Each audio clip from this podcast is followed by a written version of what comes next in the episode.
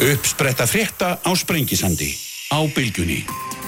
Sæli hlustundur höldum við að staða hér sem leðlikur Hilma Þór Hilmarsson, professor Akureyri verður hérna í lok þáttarfjöldum þá stöðuna í Úkrænum. Þau verða hér uh, Sigrún García Tórarensen uh, sem er formað fagraðsum einheltsmál, Magnús Þóri Jónsson uh, skólastjóri, núverandi formaði kennarsambandsins, skúlibræði Geirdal, verkefni stjóri fjölmjörnulegsis og fjölmjörnulegn, þá ætlum við að fjallum einheltsmálu þetta af gefnu tilöfni, Lógi Einarsson verður hérna líka eftir fráfærandi formaða samfélkingarinnar eftir sex ára setu á þeim stól. En sestur hjá mér Haraldur Bendinsson sem er alþingismæður. Sætla blessaður Haraldur, velkomin. Já, takk fyrir bóðið. Eh, þú hefur verið á yfiröðum landið að kynna nýjar hugmyndur um eh, vegagerð og sem að mér svona sínist að því, þeim gagnum sem þú hefur sendt mér og ég verið að skoða að svona fel í sér grunnurinn sé sá að hraða framkvæmdum við vegagerð umfram þar sem að samgöngu áallun alþingis gefur tilöfni til og þú kallar þetta samfélagsvegi exakt. Nú þarftu aðeins að leiða okkur í allan sannleika um það hvað þú ert að hugsa, hvað, hvers konar fyrirbrið eru þessi samfélagsvegir og af hverju ertu komin á það stað með, með þetta? Já, takk fyrir það. Ég hérna, hef nú opnað nú venjulega fundin á því að segja að hugmyndin er korki frumleg eða óumdeinarleg. En þetta er nálgun sem ég er að uh, hérna, hef mótað með góðu fólki og hugtæki samfélagsvegir en nú á nú uh, sér að Magnús Magnússon uh, sveitastjóðamæður í Húnaþingi vestra sem að hefur látið sér vegamál varða. Og það sem við erum kannski að reyna að nálgast er bara þetta hvernig svarar fólkinu sem að býr við ónýtan veg? Og þú segir já þetta er nú í samgöngu áallun mm. samgöngu áallun er 15 ára áallun skiptið þrjú tímabill 5 ára tímabill og það er kannski má segja verulegin sé að það sé fyrst og fremst í hendi þeirri vegi sem eru á 5 ára áallunni og hverju svarar þú fólki sem að býr við ónýtan veg og, og þú segir já þetta kemur eftir 10-15 ár? Já. Og uh, börn sem er að hóa skólagöngu í grunnskólanum á Kvamstanga í haust og, og verðan að það er næstu tíu árin þurfa áfram að búa við þennar ræðilega vegu Vastnes og, og fleiri vegi Vastnesvegunum bara nefndu hérna sem sammeiti yfir, yfir hólóttar vegi og nýta. Dæmi sem hefur tekið gennilega á þessum fundum er það ekki um, já, um hugsanlega framkvæmd eða hvað? Já, ég já. skoða hann sérstaklega og ég skoða líka skóastrandaveg sem er ekki, ekki tengivegur heldur, stoppvegur og milli, milli byðalaga og uh, það sem ég bara nálgast er kannski blanda af uh, því að fara í það sem stundum er kölluð enga framkvæmdi samgöngu framkvæmdum það er að segja ég vil að sveitafélagið fái stöður gagvært ríkinu til þess að stopna félag um að byggja og reka veg mm -hmm. og uh, það getur þá leita sér af fjárfestum og, og Uh, það geti staði fyrir því að móta þessa framkvæmt, fái heimil til að leggja og veggjöld til þess að uh, fá kostnaðin þar tilbaka. Ég er ekki að leggja til að sveita fyrir að leggja veginn fyrir einn reikning, heldur hafi fyrst og fremst pennan að móta þetta verk.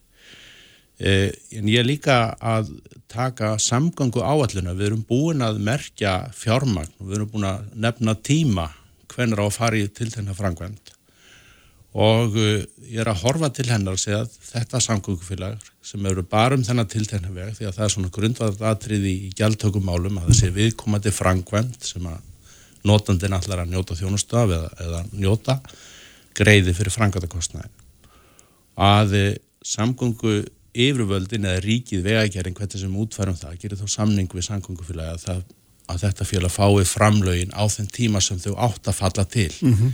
Ég er ekki að brjóta upp samgangu állinu. Ég, Nei, ég er ekki að tróða... Nei, ég er ekki að gefa mönnum færa á að tróða sér framfyrir röðina því að samgangu állun, nóg erfitt ennum fyrir þingið að kominni frá sér á hverjum tíma að, að það, hún myndi þóla það að ég færa að ríf út þennan. En ég er líka nýskur gæstlumöður fjármanna ríkisjós og eh, ég vil líka láta þá vega saman þegar út búin að fara í tiltegna framkvæmt hvað getur umferðin greitt mikið? Ég er að horfa til mjög lára vegjálta lagstu vegjaldin eru þá eh, innheimtan þeir sem búaði veginn. Og það er líka, skulum alveg virða það að það er verður þungu gross fríbúana eh, en það er velvili fyrir því, ég finn það hvað getur umferðin á greitt stóran hluta frangatakostnanum? Þar ríkið að leggja allt fjármagnir sem búið að vera merkja til vegar eins í viðkomandi veg kemst það með 80% af framlegin eða 50% og einhverju tilfellum 100% þá peninga sem þar sparast vil ég þá nota til þess að laga aðra vegi í viðkomandi hér að því þannig að við erum að mhm.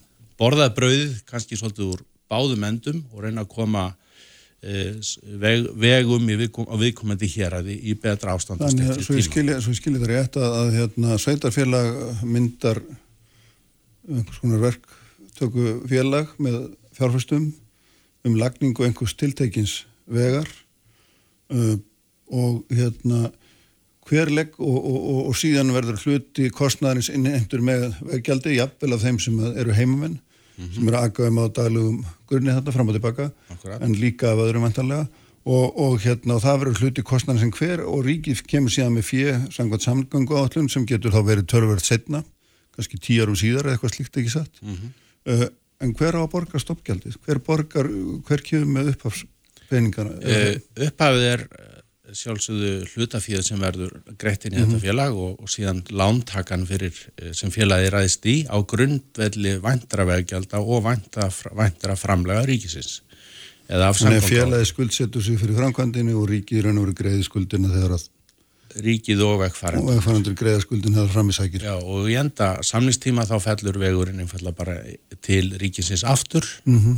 ég er ekki að sleppa ríkinu við að laga vegum vastnes eða aðra vegi ég er ekki að setja það allar þær byrðar á, á uh, herðar íbúan og ferðamannana þetta er í sjálfins er ekki flóknari hlutur en til dæmis sáttmálum uh, frangvandur á höfbrukarsvæðinu, höfbrukarsáttmálun í vegfrangvandum ég er svolítið að útfæra þá hugmyndafræði bara fyrir landsbyðina eða fyrir sveitirnar. Við höfum líka sett lögjöf hér um samvennu verkefni í samgöngufrangvandum sem að líka byggja á veggjöldum. Mm. Uh, þetta er uh, einhvers konar útfæsla bara á þeirri hugmynd sem ég er að færa hérna fram. En ég vil gera meira heldur um bara veg og ég held að það sé mikilvægt að við munum það að uh, þetta eru þá vegir sem að horfið fjölsóttir af ferðamönnum. Sú umferð hefur ekki bætt lífsgæði íbúana við veginn. Mm. Þetta eru slæmri vegir, eru, þeir eru mögulega einhverju tilfellin bara hættulegir yfirferðar, þeir eru óvana ferðamenn. Þess vegna vil ég jafnliða að við lögum veginn eh, byggja fyrirmyndar áningastæði ég vil hafa fyrirmyndar fjarskiptasamband á þessu vegum ég vil, ég vil að þeir eru hannaði fyrir sjálfvagandi bíla í þeim skilningi að þeir eru um ímis upplýsingakerfi þannig að ég er líka að horfa til þess að slík fjárfesting er hluti af því hvernig við ætlum að taka á móti vaksandi fjöldaferðamanna. Þannig að þú ert að horfa á, þetta er ekki hvað maður að kalla, þú ert ekki að horfa á þjóðvegin í sjálfu sér, þú ert að horfa á vegakabla annar staðar. Já, ég... sem eru einhvern veginn svona fáfarnari, vannræktir eða hvernig, hver er svona hugmyndafræðina bak hver á að velja þetta og, Já, fyrsta, og hvernig? Fyrsta valið er nú vegurinn komin inn á sanganga állun uh, vegir sem að hafa uh, talsverðan umferðarþunga ekki síst vegna ásvona ferðamanna. Uh, kannski umferð sem er 400-600 bílar á dag sannkvæmt umferðartallingum uh, og hafa allavega þann fót að geta Eh, hérna sótt einhverja tekjur í, í umferðina sem það er en eh, ekki síst þá líka til þess að opna einfallega eh, bætt aðgengi ferðarmanna náttúruperlum en allra, allra fyrst er þetta til þess að bæta bara lífskjör íbúana viðkomandi sveit, aðstæðu mm. bændana sem þurfa að búa við vaksand umferð og, og það ónaði sem að þeirra hafa einhverju tilfellum orðið að því því að það er ekki alveg einfalt að að vegurinn sem að var í fáfarin í sveit sem bara fullsettur bílalegu bílum allan daginn mm. en eh, nú kom spá í vikunum að ferðamenn erðu hvað þrjár miljónir árið 2025 mm. ég þóttist mjög brattur þegar ég lagði fram í, í hugmyndina mína og glæruðna sem ég haft á fundinum fjóra miljónir ferðamanna eh, eftir tíu ár eh, hvernig sem það allt saman þróast þá eigum við ekki síður að hafa metnað að hafa eh, markmiðnum að dreifa ferðamönnum um landið og taka vel á móti þeim. Já, sko þú veist um leiðu og nefnir veggjöld þá, þá hérna, rekur marga er og að stans, það, það er alltaf þannig. Og sérstaklega þetta hefur nú verið hér í umræðinni Reykjavík að taka, leggja á vegtóllam og, og, hérna menn eru ósáttir vegna þess að, að því að það þú ert að leggja á íbúana náttúrulega auknar álögur þá sem búa við komandi svæði út að rukka fólk fyrir að aka um vegina heima hjá sér sem er allt annað heldur en að aka alltaf með sem göng, það sem allir eru í sjálfu sér ferðamenn til og frá einhverja staða.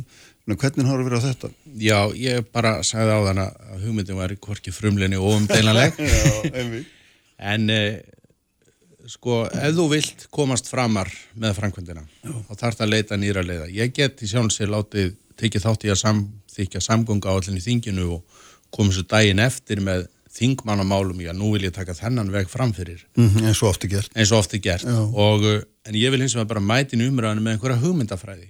Já, hún innir félög veggjöld. Samgöngu samtmálinu á höfbrukarsæðinu innir félög veggjöld. Samfunuverkefni um stoppvegina sem að e, samgöngur á þeirra er að vinna frangvænt á núna eins og hortnafærafljót, öllus og brú. Innir félög líka veggjöld. Mm -hmm. veggjöld. E, það er, e, það er verið að endur skoða skattlækningu umferðar og nótkun á vegum í mínum, mínum huga spila þingri rullu heldur en álækningar á eh, elsneiti sem verður nota til umferðar næsta árum, hann að ég gef mér það að samstæðanum veggjöld er orðin önnur og meiri heldur en hún áður vara þetta er ekki ja, riski umræða. En það komir líka eh, ég vil ekki segja það ég lofart að því að í grunninn kviknaði hugmyndin bara í heimsóknum á bæjum á Vastnesi fyrir ára síðan. Já þar sem fólki spurði, okkur megum við þá ekki að laga veginn fyrst að þið stjórnmálum en þið getið það ekki, sko. Og þannig fer maður að leita leiða til að leysa málið eða stuðla einhver umræðum það. Við skulum ekki heldur gleyma því að þú leggir þennan uh, þessar byrðar á íbúana, þá hafa þeir líka mikla byrðar af því ástandi sem er. Bílar enda slítið mm -hmm. og, þar, og svo getum við lengi talið, sko. Þannig ég held að að eh, sá ángi umræðinu, þetta eru ekki stoppvegið eins og nefnir uh, þetta eru vegið sem að þú hefur sem vegfærandi og fullkomið valum að keira ekki og þú vilt ekki taka þátt í að greiða veggjöld en það verulegin er það er viljið til að fara inn á þessu svæði það er mm. óhemju umferð en veginn er ekki bóðleir hvorki fyrir íbúana eða ferðamennina mm, mm. En hvað hva, hérna, svona, svona hugmynd er svo þessi að íta framkvöndum fram í tíma því það er það, er það sem þetta gerir uh, á sama tíma og og uh, það er verið að slá á hendunar á stjórnmálumennum og segja hérna dræjureyslu mingi umsugin, við þurfum að kæla hagkerfið og þá er þessi hugmynd svona, kemur þvert á það Já, þetta. þetta er bara mjög gott að nefna þetta því að það er, ná, það er eitt af því sem ég fari í gegn uh, mm. uh, rækili gegnum á þessum fundum við erum þannig sveitsett með þessa vegi sem ég er að tala um að geta fallið undir þetta þeir eru yfirleitt á svæðum þar sem er ekki þensla það er ekki bullandi uppgangur eins og sumstaðar sem betur ferir á landinu. Þannig að frangvandirnar eða fjárfestingin sem eru stórar á viðkomandi svæði eru uh, þar, þar að leiðandi skinsamlegar í því semingi. Þú ert að fara inn á efnahagslega köld svæð á landinu með þessa frangvandir.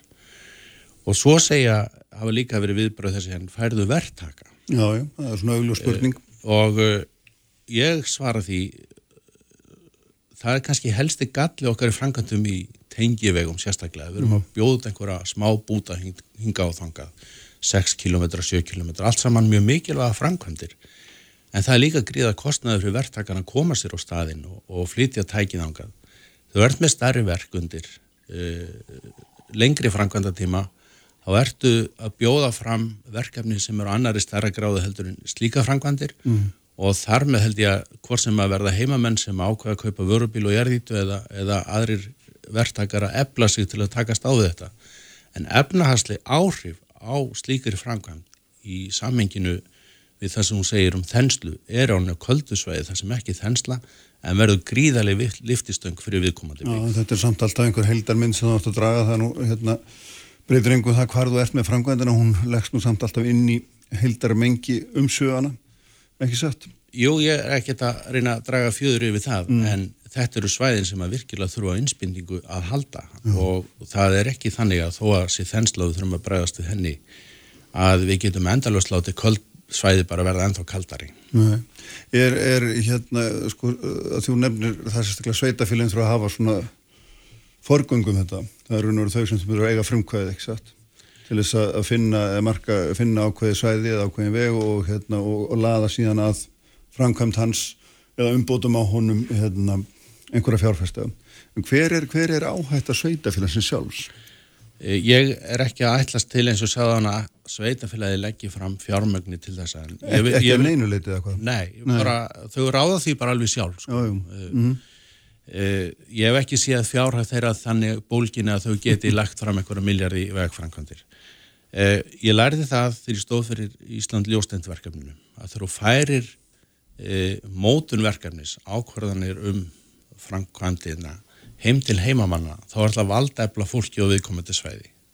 Þess vegna vil ég setja þetta í hendur sveitastóttamannana sem að setja fyrir framann okkur þingmannina og berja okkur, heyrðu við viljum fá veginn og við segjum já, alltaf alltaf leginn, kemur þetta tíu ár sko mm -hmm. og það er eins og ég sagðan, það er ekki svar færðu frekar sveitastóttamannunum valdið til þess að reyna að reyfa hlutina sjálfa og ég læri það líka í ljóslæraverkefni að þú færi heimamannunum með þessum hætti þá eru praktískari lausnir þá er önnur nálgun, það er jafnvel einfaldari ódýrari verkefni sem að einfaldari ódýrari framkvæmtin sem að þeir leysa með heimamannunum, þetta mm. er einhvern miðlagt stjórnvald vinna þeim. Þannig að ég er að valdefla sveita stjórninar ekki síst með þessu. Mm. Er, uh, þú, þú, þetta eru eins og þú nefnir þá hérna, þá ertu að tala um þú ert ekki að tala bara um umbætur og hólótum vegum, þú ert að tala um miklu meira, þú ert að tala um nútímalega vegi í merkingu, í tæknilegri, tæknilegri útvæslu eins og nefnir og, og, og hérna þess vegna svona forveitil líka um hérna að því að á flestum flestum uh, stöðum þar sem það er borgar vegtoll í bæði hér og annar staðar þá er einhvers konar upphafa endir og það er skilmelkilega afmarkað með hlýðum eða einhverju slíkum ganglamunum eða hvernig það er hvernig, hvernig ser þetta? Hvernig gerist þetta? Ég er að tala þarna um vegi sem að svo saðan hafa eru örgir frumferð, þeir eru með fyrstaflokks fjarskiptasambandi, þeir eru með áningastöðum, þeir eru í að jafnvel lift mér að nefna það að þeir ætti að vera þannig og garði gerður að veri auðveldur aðgangu fyrir hjólreða fólk að nota það og mm. þannig líka aðgengja landinu og þá spyr einhverjum hvað með reyðvegin mitt svar er bara þetta, heyrðu þið bara ráðu þessu sjálf það er þið sem er að móta þetta en ekki ég mm. eh, auðvitað verður hluti af samgómulagi ríkis og sveitafélagsins eða samgóngufélagsins sem að verður stopnað hvar eru upp á vendir hver, hver verða, hvað verða árin mörg hvernig uh, hérna, mætum við því að umferðinni meiri? Uh, er það hraðar í skílovegi ef hún er minni er það lengri gjaldtíma lengri gjaldtaka? Ég er að mæta bara með þessa hugmynd. Er þetta raunhæft, vilja menn taka frumkvæði, vilja menn láta þetta sér varða? Það komur á óvart eða ég ætla ekki að segja kannski verulega óvart en við tökum þetta reyndlega í húnaþingi vestra voru afari ákvæðir og þar hafa sveit hefur sveitastjórnin strax heyrðu við viljum halda áfram að móta þetta mm -hmm. sam er að gerast í, í Dalarbygð vegna skóastrandavegar en, en þó ég nefni þessa vegi hér að því ég hef uh, bara stútir að stoppkostnaðin uh, rækstrar uh, fjárasállin fyrir uppbyggingun og, og gjaldið þá er í, þetta í mínum huga aðferð sem gengur á þá vegi sem menn trista sig að láta þetta ganga upp hvað sem er á landinu mm. þannig að þetta er bara hugmynd, þetta er aðferðafræði ég er að mæta til hennar staðan fyrir að segja já býtu bara vinnur í 15 ár þetta kemur einhver tíman oh. eða reynda að fá einhver þingmannin til þess að fara í einhverja sem að, ég leiði mér að segja það digðaflökkun, þú vilt koma veginu framar oh. en við eigum óskaplega mikið gert í uppbyggingu vegakerfi sem við þurfum að leita einhver annar leiða heldur en við höldum á vita mm -hmm. mm -hmm. Hvað, hva, sko, þegar þú talar um að hraða sem er svona forhundilegt að vita því þú við tölum um 15 ára áallun og þetta er mjög slánt í framkvæmdi en hvernig svona hvers konar hröðun, hversu mikla hröðun á verkefnu er, er, er við að tala með, um? er við að tala með að setjum svo þetta í samþygt og, og, og kröftu setjast á færa stað, hún geti klárast verkefnu á tveimur árum í staðin fyrir 13, er, er þetta, þetta bara fer þetta bara eftir því, er við er þá búið að leggja þessa, þessa röð sem samgangu áallunin gerir á en hún bara hún er á þá engungu við fjárveitninguna sjálfa en, en öðru leiti stendur þetta bara fellur með, með, hérna, með kraftunum í þeim sem að þessu standa eða hvernig Já, við erum að vera, sko, kannski eigum við líka bara að lega okkur að hugsa sangunga áallun sem bara fjárveitingar áallun en ekki bara uppbyggingar áallun mm -hmm. Þa, það er líka ný hugsun sem við getum alveg hugsað okkur í framhald á þessu. Framkvæmdarhraði, ég hef bara sagt, heyrðu, ef að veri nú uh, áhugi fyrir að leggja Vassnæsveg og uh, sveitafélagi lætur reyna á þetta eða, eða þeirra aðla sem vilja stopna sangungufélag og ríkið myndi veita því brautagengi þá hef ég bara sagt að í staðan fyrir að býða hérna í tíu ára eftir upp að framkvæmda þá hefst bara framkvæmdatíminn frá þenn degi sem menn eru ákveðnir að byrja. Uh, og þar með uh, gætum við horta á 23 ári framkvæmdum en að í staðan fyrir að að horfa á hann koma eftir tíu ár, geta hann verið komin eftir fimm ár mm -hmm. eða mhm. fjögur ár mm -hmm.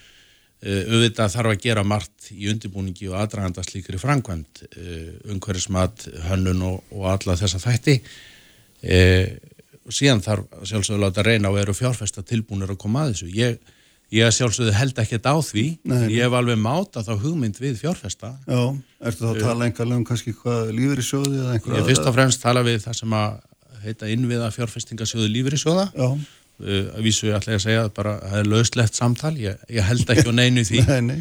En uh, minna, þessi sjóður eiga að koma penningum vinnu. Ef þetta eru raunhæg verkefni og það, það mun alltaf að ráða niðurstöðinu ef þetta gengur upp. Raunhæft í merkingunni næjanlega arðsamt, ekki satt? Já, það við skulum ekkert loka augunum fyrir því að, að hérna, þessi félög þurfa að fá fjárfæsta þurfa að fá Það verður peningana um félag, félag eftir tíu ár þegar vegurinn er tilbúin og er það bara lokað og, Já, það er sjálfsög bara gert upp og og og hvert fyrir arðurinn er einhver? Já, ef að arðurinn er þá hef ég líka að því að þú sást nú glærurna þá er nú líka girða fyrir það, ég meina það má alveg ræða það að setja þak á artök út úr svona uh, samgöngufrankvöndum, það var gert í til dæmis í kvalfæragöngun menn, menn sömdum þessa hluti á báða vegu en, en um leið og fyrir að setja þak á artökuna þá máttu ekki eldur gleyma eða ef að botnin er einhvað neðar í verkefninu, þannig að menn leysar það. Það þarf bara að vera samtal um þá hluti.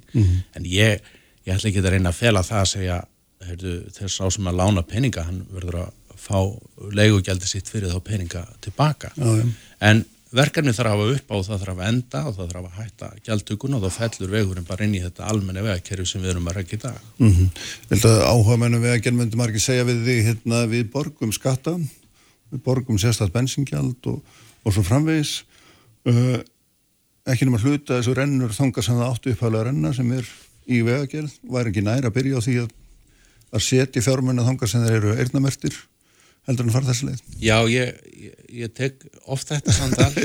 Eh, ég aftur á móti hef vissu og veit það því að, að því að ég hef skoðað þessar tölur í mörg ár að þeim fjármunum sem við erum innhyndi gegnum elsnitiskjöldin, þeim skilum við alveg til vegagerðar. Mm -hmm. þar sem ég finnst, finnst menn vera svolítið vera að blanda saman að öðrum sköttum af innflutning og aukutækja og slíkum hlutum, það er ég líka að fara til vegagerðar, það hefur aldrei verið hugmyndin en undanfarin ár höfum við lagt meiri fjármunni til vegagerðar og viðhaldsvega heldur en elsnitiskjöldin hafa sagt til Nú eru fleiri og fleiri vegfærandur á nýjorkubílum. Við, erum, við þurfum líka bara að hugsa hver verður, hvernig nálgust við skattlækning umferðar þegar færri og færri nota jarðarmeðarsneiti og það, það er hlut af því sem að þessi mynd fellur af. sem að veggjöldin gætu þá einhvern veginn komið í einhvern hluti staðinn fyrir eitthvað Engur leiti uh, bara í starri hluta gjaldtaka og formi notenda af sangongumannverkjum. Notkunnar og sangongumannverkjum. Já, akkurat. Þetta er nú hérna, hva- hvað svona, hvað verður svo um svona hugmynd eins og þessi á, á almennu þingmanni? Eh. Eh, Hvert fer hún næst og, og hvað gerist? Já, hún fer eh, vantalega þannig næst að ég mun flytja þingmannamál um, um að eh, heimila slíka eh, stofna slíkra sangangufélaga og samningagerð við þau opinbera. En ég sagði á hann, ég, ég er að leggja fram hugmynd hérna til umræðu. Hún, hún getur líka dáið sagt, fólk getur bara sagt þetta gengur ekkert upp og þá nær það ekkert lengra. En ég hef fulla trú á þessu og ég fæ góðar viðtökur og ég held að það ná úti séu fólk sem að vill láta reyna á þetta. Uh, stjórnmálumenn þá bara svara því hvort þeir vilja ganga vegin og enda í þessum efnum ég, eh, ég hérna vil trúa, ég sé allavega inn í umræðinu einhvað sem er verðt að, að við látum reyna á. Mm. En þú sagði líka áðan að þú væri hérna gæstlumæði fjármennar ríkisjós og með segja nískur sem slíkur eh, en samt ertu að hraða þetta frangvöndum og raun og veru þá auka þær á nær, uh, satt, í, hvað maður að segja, ná, námnar í framtíð Já, ég, ég vil... en, en þú ætlar samt ekki að eigða meiri peningum úr ríkisjóði í vegagerð en gertir í dag þrátt fyrir þetta, eða er það rétt skiljið? Já, ég sko bara, ég ætla að halda mig við ramman sem samgöngu áallunin hérna hefur Nei, þú ákveðið. ert ekki að leggja til með þessu að það verði neitt, það verði einhver innspýtingar, þetta er bara spurning um tíma. Þetta er bara Ásinn. fyrst og náttúrulega spurning um tíma ásinn. Ég ætla ekki að setja ríkisjóði í, í lántökur. Ég vilji menna auka fjármagn til vegakerðar, fjármagn til samgöngu áallunin og það er sjálfsögðu fellur það til þess eins og annað. Ég er ekki að, Þú ert bara að færa lántökuna yfir á fjárfestan ekki satt og Ég- láta svo ríki greiða það Já, þú hefur hert talað um hugtæki flítigjöld í vegagerð. Þetta eru hreinustu flítigjöldin sem ég get bóðið, Já. en ég er ekki að segja, ég ætli að reysa lántöku ríkisjós, þó það geti verið skinsamlegt að einhverju leiti til að, að flýta framkvæmdum á svona stopn innvegum eða stopn innviðum samfélags, hvort sem það eru aflínur eða, eða vegir eða hvað það er, að því að framtíðar hagvastur viðkomandi svæða byggir algjörlega á því að þú hafir öflugra áorkukerfi, fjarskiptakerfi og vegi. Mm. Hafi svæðin þessi, þess að þetta ekki lægi, þá munuðu gefa eftir og verða undir. Já. Þannig að þetta byggðastefna hefur- í raun. Það hefur áhrif á, á framtíðar hagvast Íslands alls. Nákvæmlega. Heri, það verður hérna, gaman að fylgjast með þessu, hvernig, hvernig þetta fer í þingheim og, og, og fleiri svo þegar þú hérna, leggur þetta fram. Já, það verður mjög gaman. Takk fyrir að, að koma og kynna okkur þetta. Takk sömuleiðis. Lógi Einarsson er hérna eftir augnablik. Sprengisandur á bylgjunni alla sunnundasmórna. Eftir þjóðmál og pólitík. Sprengisandur á bylgjunni. Sælir afturstundur, um, hann er fannir frá mér, hann Harald Bendisson, uh, Hilmar Þór Hilmarsson, professor Akuri verður hér tölum um Úgrænu lok þáttar. Þau verða hérna Magnús Þór Jónsson, Skúli Bræði Geirdal og Sigrun García Tóraðinsen og ætlum að fjalla um eineltsmál í kjálfara þessum armunga fréttum sem okkur voru sagðar frá Hafnafyrðinu núna í vikunni. En til minni komum góði gestur, það er Lógi Einarsson fráfarandi formaðar samlingunum hvorki meirinu minna. Já, hann um minna. Gaman að vera hérna. Já, takk fyrir að koma Lógi Hvernig, hérna, hvernig líður nú raun að vera með, með þetta? Það Eh. hljóta nú að vera blendna tilfinninga, ég trúi nú ekki öðru Nei, þær eru nú eiginlega ekki svo blendnar. Mér, mér líður bara nokkuð vel og, og hérna, ég veit að var búin að gera þetta upp við mig fyrir löngu síðan og tilkynnti þetta svo í rauninni snemm sumas og frá þeim tíma hefum bara liðið afskaplega vel með þetta. Ég tel þetta sér rétt. Mhm. eh, ég held þetta sé gott fyrir mig, alveg örgulega gott fyrir fjölskyldunum mína, en ég held þetta sé líka gott fyrir flokkin og rétt skref. Já, já En það er nú samt alltaf starf sem henn hafa gengt og, og synd af hérna, ástriðu og, og verið vaknir og, sofandi yfir hérna, það hlýtur nú samt alltaf að vera einhver einhver svona hugmyndum að maður sé að missa eitthvað Já, ég veit það ekki, sko. Ég held að við verðum kannski bara í íslensku samfélagi að fara að venja okkur á það að, að, að, hérna, að leiðin svona í gegnum lífið uh, getur ekki bara verið línulegu uppbófið og svo allt í hennu bara allt búið. Mm. Ég held einmitt að hugmyndur um það að, að fólk geti sagt, innan fyrirtækis eða félagsamtaka og stjórnmálflokka geti sint mismundu hlutverkum, gert það þó með öðrum hætti. Uh, ég mun koma inn fullur krafts eftir landsfundin og styðja bara við nýja fórustu, uh, leggja það mörgum án þess að vera hafa mjög ofmikið frammi þegar þess er ekki óskað en ég tel að ég geti sagt gert það. Þa- Þar fyrir utan náttúrulega sko er ég í fyrsta skipti síðan í stígin í landsmál fyrir 5-6 árum síðan, þá er ég í fyrsta skipti í rauninni að fá uh, tækifæri til að glíma við að vera bara óbreytið þingmaður Já. og get auðvitað haft þá eh, meiri tíma bara til að sinna kjördæminu. Ég get líka leift mér kannski að, að, að gefa þjóðina eins insýn í svona mínar svona skoðanir á ýmsum málum sem þú þarf að fara varlega með sem formaður. -hmm. Þannig að ég, ég líti á þetta sem svona frelsandi og skemmtileg tímabil. það er frelsi til þess að að sprikla. Já, getum orðað þannig, þó að maður sé nú kannski komin kannski í því að þingdaflokka, maður spriklar ekki svo mikið. Sko, hérna, ég var að rifjað upp í huga mér að, að uh, vorið 2016 Já, þá ringdi ég í þig daginn eftir kjördag þá varstu múin að bjarga því að þurrkast út af þingi já, já. sem var nú frekar óvænt og ég spurði hvað hva, hva er næst? Og þú sagði ég veit það ekki, ég, bara eina sem ég veit er ég kem með vélinni söður eftir já.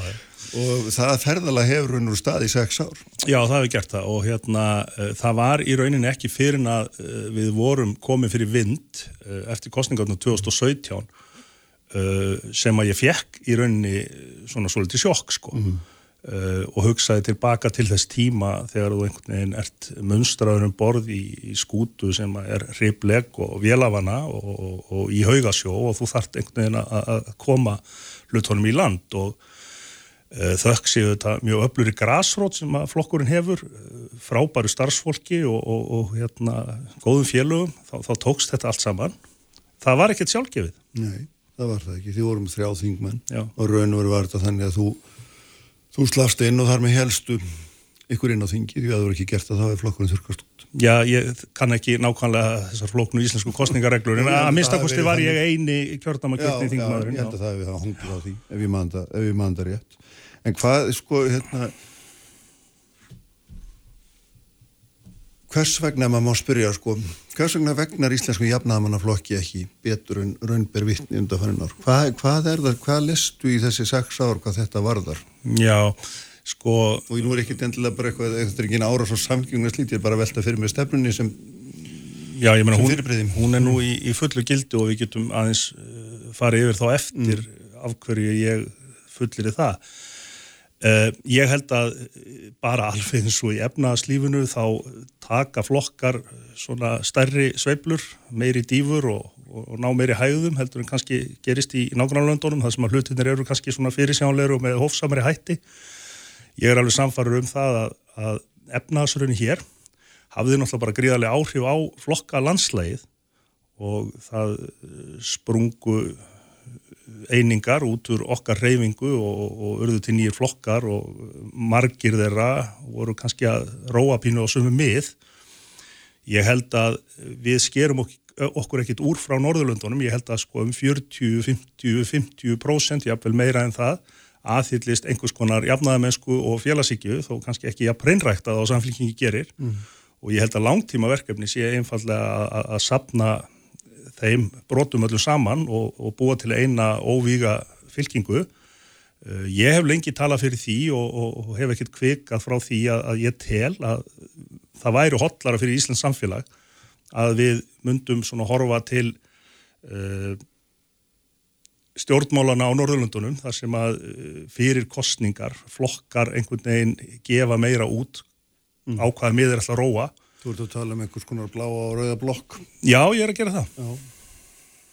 Möndu vilja það? Já, ég held að það sé bara miklu eðlera vegna þess að, að, að, að sko við lifum náttúrulega alveg gríðalega floknum tímum með alveg ofbóðslega erfiðar áskoranir sem að við getum sannarlega sigrast á en það getur líka að fara ítla ef við gerum það ekki og ég held að, að það sé bara betra að það sé meiri eining þegar að kemur að ríkistundarsamstarfi heldur en það þurfa að vera semja langt yfir miðju mm. Og hlutinni standa alltaf fastin eins og við höfum séð síðustu 5-6 ári í þessari ríkistjórn. Mm. Við sjáum nú alltaf útlendingamálið, það stendur bara fast, sama maður segja mörg mál sem við fréttum ekki af. Þannig já, ég held að, að, að hérna, það væri betra fyrir Íslensk stjórnmála, mm. það væri svona meira afgerandi línur og, og, og, og ástæðin fyrir því til dæmis að ég var bara óhrættur við það að gefa það út að, að við værim ekki að vera að vinna með sjálfstæðismönnum. Já.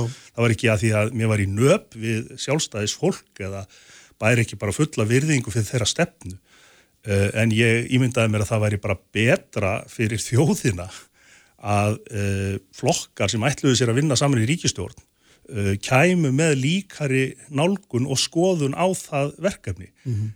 Uh, það er alveg rétt hjá fósetsráður að það þarf að gera málamiðlanir í stjórnmálum eins og hún talaði um í sinni stefnuræðu.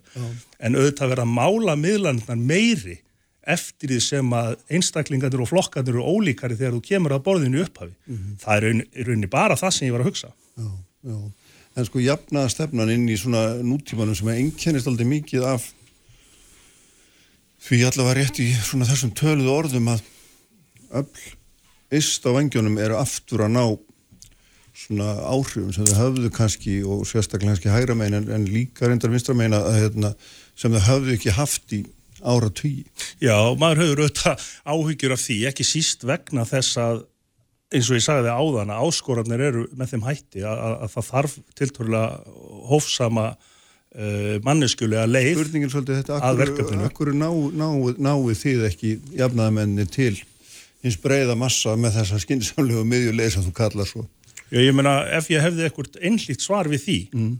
Uh, þá er ég sannleikt í vittalinu hérna hjá það núna það er nú svo einfalt Já. en ég held sko að, við eigum mögulega, möguleika inni og ég er alveg samfarið um það að, að þessi næstu skref sem flokkur minn er að taka mun hjálp okkur til þess að ná því mm. uh, og eins og ég saði áðan að ná uh, meiri slagkrafti með lít þengjandi öflum að því að ég hef satt að segja heldur ekkert á móti því að uh, það séu til fleiri flokkar heldur en færri eh, en bara að þeim sem að sko eru líkastir auðnist að vinna saman. Og við höfum þrátt fyrir allt á Íslandi e, ólíkt kannski í Norðurlundunum ekki verið að horfa á þessa uh, ofbóðslega sterku öfga fullu flokka, korki til hægri eða vinstri. Það hefur takmarkast við mjög fáa rattir. Eh, ég held eins og er að jafnar stefnan eigi ótrúlega hérna, bjarta framtíð fyrir sér núna, bara einfallega vegna þessa að e, í gegnum COVID og í gegnum núna þær aðgerðir sem að ríkistjórnir hafa þurft að beita samfara til dæmis or orkukreppi í Európu mm. að þá hafa þær verið að fara hvort sem það hafa verið hægri eða vinstistjórnir þeir hafa verið að fara leið jafnaðamanna sem að byggja á í rauninni sterku engaframtæki og, og, og verðmætasköpun uh, drifna áfram að fyrirtækjum í landinu en líka uh, öflugur ríkisvaldi sem höfu möguleika til þess að grýpa inni þegar markaðsprestu verður, þegar áföll verða. Og Guðminn Almáttur við fengum nú líka dæmi um það fyrir hálfu mánuði þegar að í beitni útsendingu uh, hægri hugmyndafræðin henni er slátrað í Breitlandi og hverju voru það sem gerði það fyrst og reynst? Það voru sjálfur markaðurinn sem gerði það.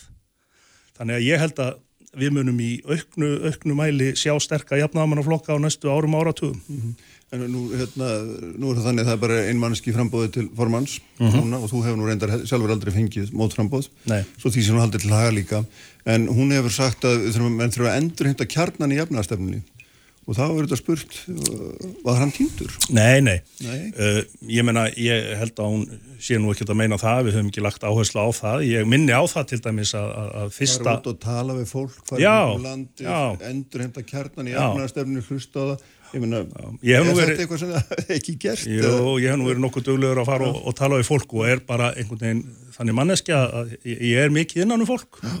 alls konar fólk mm.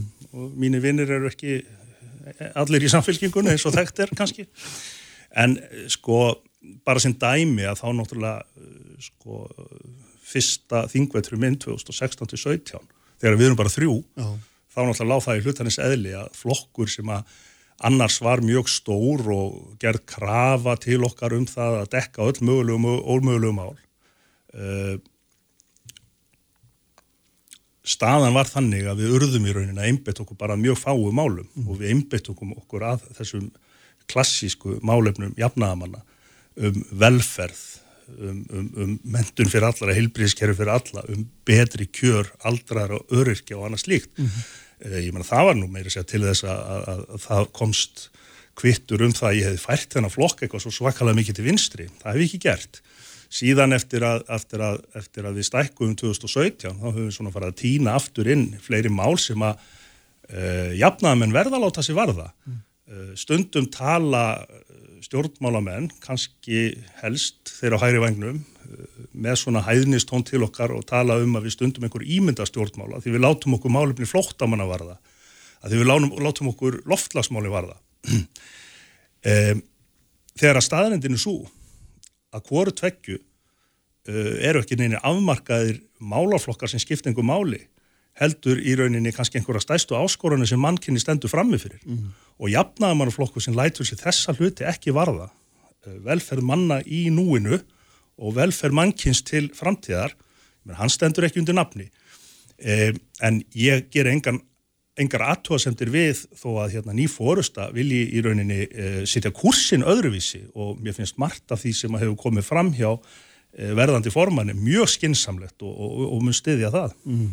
En hvað hva lestu í þetta að það skuli eh, núna í, frá því að þú tóst við og, og fram á þennan dag aðeins ein manneskerun að hafa gefað kost á sér í ennbætti formans þessum tíma Já, er, ég, það, er þetta fórustu kreppa? Hva, hva, nei, hvað er þetta? Ég, Hvers vegna er þetta ekki eftirsótt hérna, ennbætti eftirsóttara? Ég myndi nú ekki, ekki kalla það fórustu kreppu ég gæti nefnt þrjá fjóra einstaklinga sem var bara í mjög fljótu bræði ég hérna, treysti til þess að hérna, Já, en þeir eru samt ekki, ekki að Nei, nei, þetta er niðurstaðan ég held að Kristrún kom inn með miklum krafti ég held að hún hafi mjög breiða stuðning eh, hún kemur með rödd út sem að sko eh, held ég að geti gagnast okkur mjög vel, eh, hún er vel að sér í efnaðasmálu og þau munu skipta máli. Mm. eh, en ég held hins vegar líka að það sé ekkert launungamál og ég held að það séu fleiri en samfélkingin sem að eh, einhvern veginn er að glíma við það að ég held að fólk átti sig á því að þetta er ekki alltaf þakklátt starf og það getur alveg verið erfitt mm. hluti af verkefni formans er vissulega sagt, að, að, hafa sagt, stjórn á, á svona pólitísku skilabóðum og, og, og móta sagt, áherslur og, og taka ákvarðanur um, um, um línuna inn í þinginu.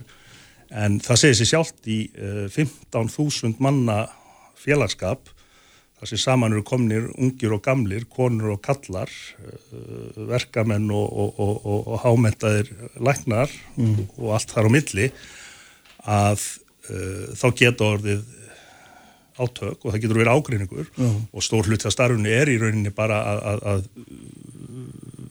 reyna að vera flinkur í mannlegu samskiptum. Já, hefur þið fundist og, þetta erfitt? Það hafa verið mikil átökinn í flokkum á tímafélum? Já, auðvitað hefur þetta verið erfitt en ég held þó á þess að ég ætli nú að fara að halda einhverja lofröðin sjálf á mig hérna að ég held á margan hátt uh, hafi sannlega komið í ljós að, að ég hafi verið háréttum aður á þessum erfiðu tímum að því að mér gengur vel að eiga í samskiptum fólk og ná sáttum frekar heldur en að hérna, leifa því að leifa ágreiningi að dafna mm -hmm.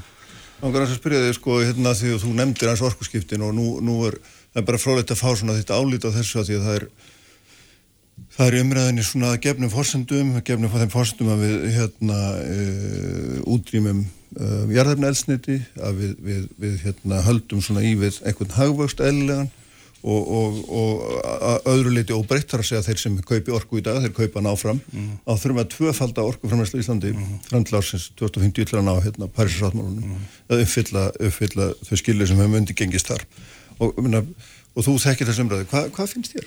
Hvað Nei. finnst þér og ykkur um þetta? Er þið stuðið þetta eða, eða viljið þið fara einhverja aðra leiðir? Hva, hvernig, hvað, maður heyrir mikið í virkjunarsinnunum, maður heyrir töluvert í landvend og umhverjarsinnunum, maður heyrir ekki svo mikið í stjórnar stjórnmálflokkur með þetta?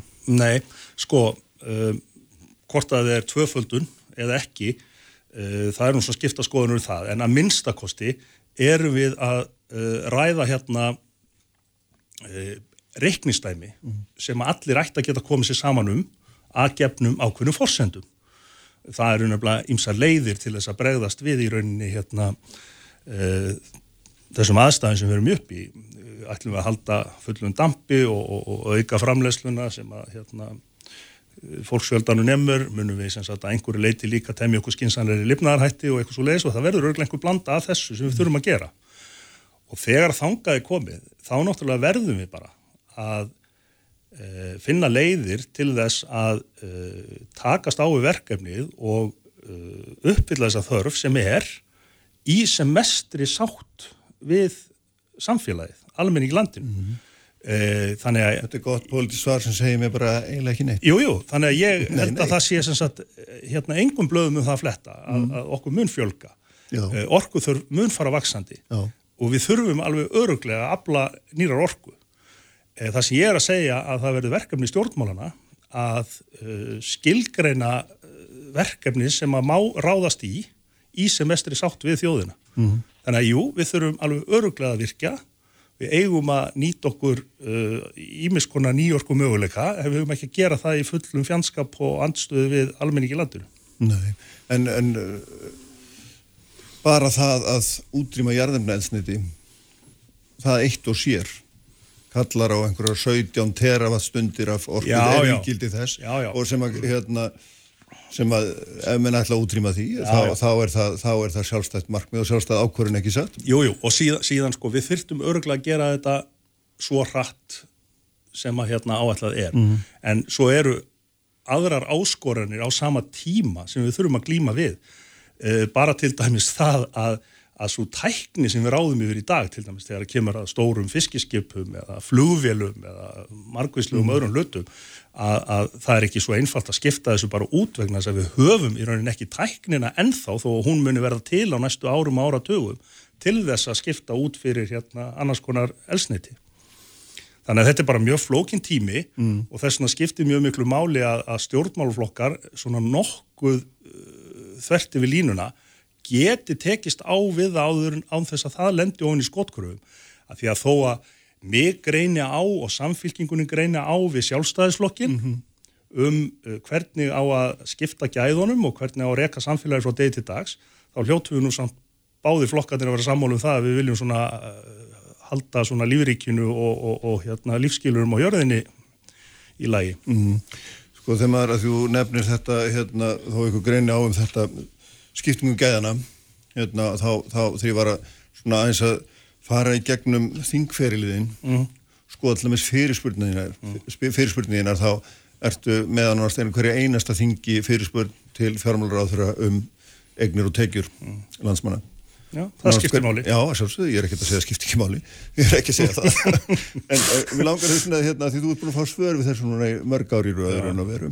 Hvað lestu úr þessari þróun? Já, maður les það út úr þróunni svona að, sko, að þó að við séum uh, að mörguleiti svona jamt samfélag og, og, hérna, og sérstaklega svona þegar kemur að sko uh, tekjum að þá sjáum við líka að, að hérna að mjög fámennur hópur og fámennur og fámennur hópur uh, næri einhvern veginn til sín uh, hraðar og hraðar svona stærri hluta af nýjum auði sem verður til.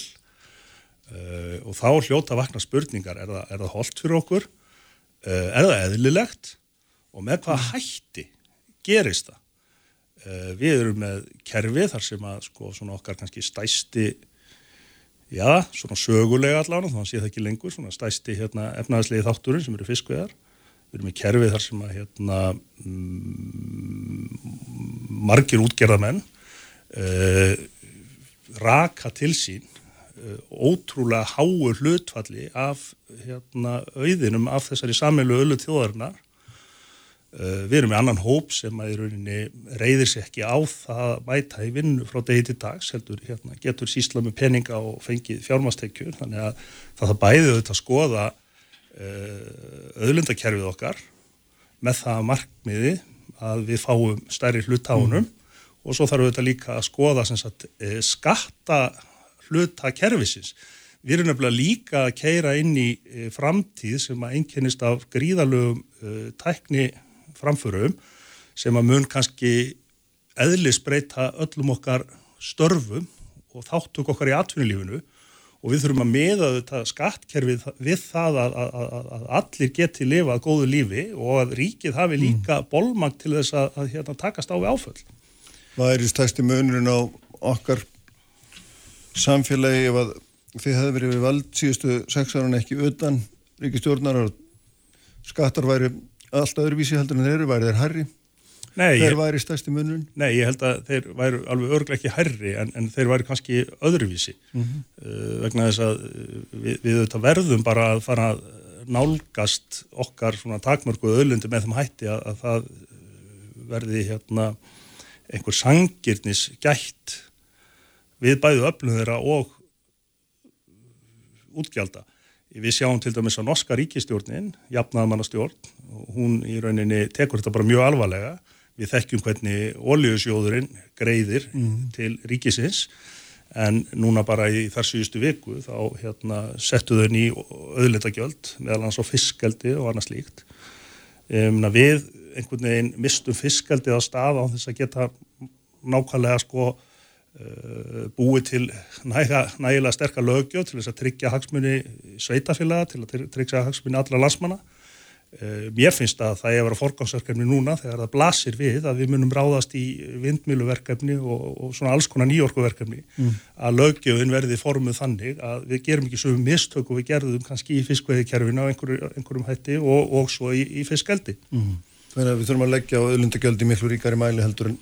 Já, sangjörn öðlundagjöld sko og ég held að, ég held að, ég held að báðir aðeins geti orðið kannski svona nokkuð ánaðar á mótni dags. Þeir sem að leggja á sig áhættu, mm. sína hugvit, dugnað, þeir geti uppskoru nokkuð ríkulega en að þjóðin fá að minnstakosti sangjarn að skerfa af, af sínum gæðum líka. Já, mjögmandi gott lagi. Takk fyrir þetta. Hvað, hérna, hvað er á döfinni síðustu vikuðinni sem formaður? Verður þetta rólegt eða? Já, ég veit það ekki. Það er svona einhver margt hugðasta klísja Íslandsögunar er að vika langur tímu politík, það getur vel verið að það er eftir að springa ríkistjórnir og allir möguleik en að öðru leiti þá er ég bara að klára mína svona skýslu Já. til landsfundarins og loka ræðu. Já. Ég er að fara með sparafötum mín í, í, í hreinsun og, og mun mæta vel stemdu til leiks Já. og taka þátt í fjörunu. Setja upp slipsi aldrei svo vant. Ég aldrei svo vant, já. Ljómandi. Takk. Takk fyrir að koma lögin. Takk. Bestu þakkir. Eh, Ég ætla að ræða hér um einheltismála eftir Magnús Tóri Jónsson, Skúli Bræði Geirdal og Sigrun Garcia Tóraðinsen. Sprengisandur á bylgjunni Kraftmikil umræða, alla sunnudasmórna. Sprengisandur á bylgjunni.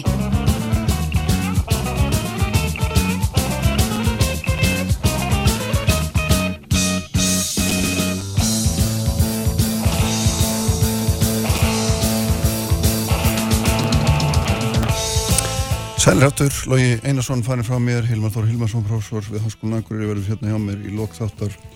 Uh, spjallum þá um uh, stríði Úkrænum en sestur hjá mér Sigrun Garþía Tórarensen sem er formað fagráðs um eineltismál uh, í grunn- og framhaldsskólum kennari auðvitað þess utan skúli Bræði Geirdal sem er verkefnastjóri fjölmjölinlæsins hjá fjölmjölinlæn sæl bæði, bæði og velkomin bæði tveim Uh, og í símanum er Magnús Þór Jónsson sem að er formað kennarsambandsins en auðvitað skólastjóri til margra, margra ára og hérna tilumni þess að ég er með ykkur hérna hjá með þrjú eru auðvitað þessar fréttir um þetta skelvilega eineltismáli hafnafyrði sem að hérna komið fram í síðustu viku og, og hérna þarna hún og sagði saga sem að er ykkur megin utan við mann skilningi raun og veru uh, verður að segja sko og hérna en svona viðbröðin hafa kannski verið þau að að svona framkoma þetta sem við kallum einelti, þetta ofbeldi eða hvað við hefum að kalla þetta hafi aukist sé hérna orðið bæði tíðar og harðara og mér langar kannski Magnús hérna, að því þú hefur, ert nú skólastjóri til marga, marga ára og hefur fylgst vel með þessu. Finnst þér til dæmis hérna, það að vera reyndin, eru við að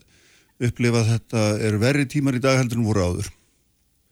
Já, sko, já, ef, við, erum sængjörn og, förum í gegnum bara Íslands samfélag síðustu bara ára tíina, þá held ég að við, við höfum í gegnum bara ár, ár, ára tíina síðustu upplifað hluti og það sést þetta bara núna til þess að umræða sem er komin fram núna á, á samfélagsmiðlunum að nú er fullöðu fólk, á mínum eldri kannski kringum 50 og eldra jættel að, að ræða um hluti sem að, sem að genga á í þeirra lífi. E, ég held að við, við verðum að horfast í augu við það að, að við, við höfum í gegnum e, okkar sögu verið samfélag sem hefur átt í ákveðnum erfiðum í samskiptum. Það við getum byrjað að tala um e, það sem að tala um ástandi, við erum búin að fara í gegnum sögur á, síðast áratur, aldar, síðast aldar þar sem við vorum að upplifa hluti sem, sem voru ekki, ekki góðir, það voru vond samskipti. Ég rætti henni skóla 1994 í minn heimabæði og hef síðan þá verið inn í aðstæðum í skólum og ég held að við getum alveg fullir það að saga uh, skólanna núna er á alltaf um stað heldur en var þá. E, það er ekki nema kannski 20 ár, það er kannski kringum síðustu albamót sem við förum í alvörinni að, að taka þessar umræðu í samfélagum okkar inn í skólanum um einelti sem var hérna einhvern tíma einartíð kallað svona stríðni og, og, og alls konar hluti sem gengur þar á sem að, sem að voru klárlega á, á, á vondum stað. E, getum farið gegnum sögur hér af vondum samskiptamálum tengd skólum bara vel aftur það sem kannski hefur svo gerstu þetta núna síðan þá er það að, að minna, á þessum tíma til dæmis þegar ég er að byrja að kenna þá, þá eru, eru fóreldra við til dæmis svona rétt að byrja. Þetta er ekki svona 25-30 ára saga á Íslandi að fóreldra væri að stíga inn í, inn í skólana og, og þar, þar er kannski það taktur sem að, sem að við viljum þetta núna að verði uh, tekin upp til umræði því að það er mjög mikilvægt að umræða þetta einstaklega hræðilega mál sem við erum upplifa núna að samfélagið taki þá á þann staðin að við ætlum að gera eitthvað í því saman mm. því að því miður er það ekki þannig að þetta sé fyrsta sagan núna í ár. Við höfum dæmi frá síðustu 10 árum eða 15 árum sem við vitum um það sem að, að kemur fjölmjöla ljós á þetta. Og þá skiptir mjög mjög máli að við rýmum lítið í það hvaða, hvaða lausnir við höfum sem samfélag. Og, og þar heldur til dæmis að við séum á allt örum stað heldur en þegar ég að þú erum úlingar eða, eða, eða pappa fóröldrætt eða á amma það sem að mm þar sem að menn bara trúð út úr skólum eða inn, inn í einhverja aðra hluti sem, að, sem að, að voru eftir góða stað. Þannig að ég myndi segja það, eins og við svariðum kannski einhverju hluti líka bara svo hluti öðrum að þetta.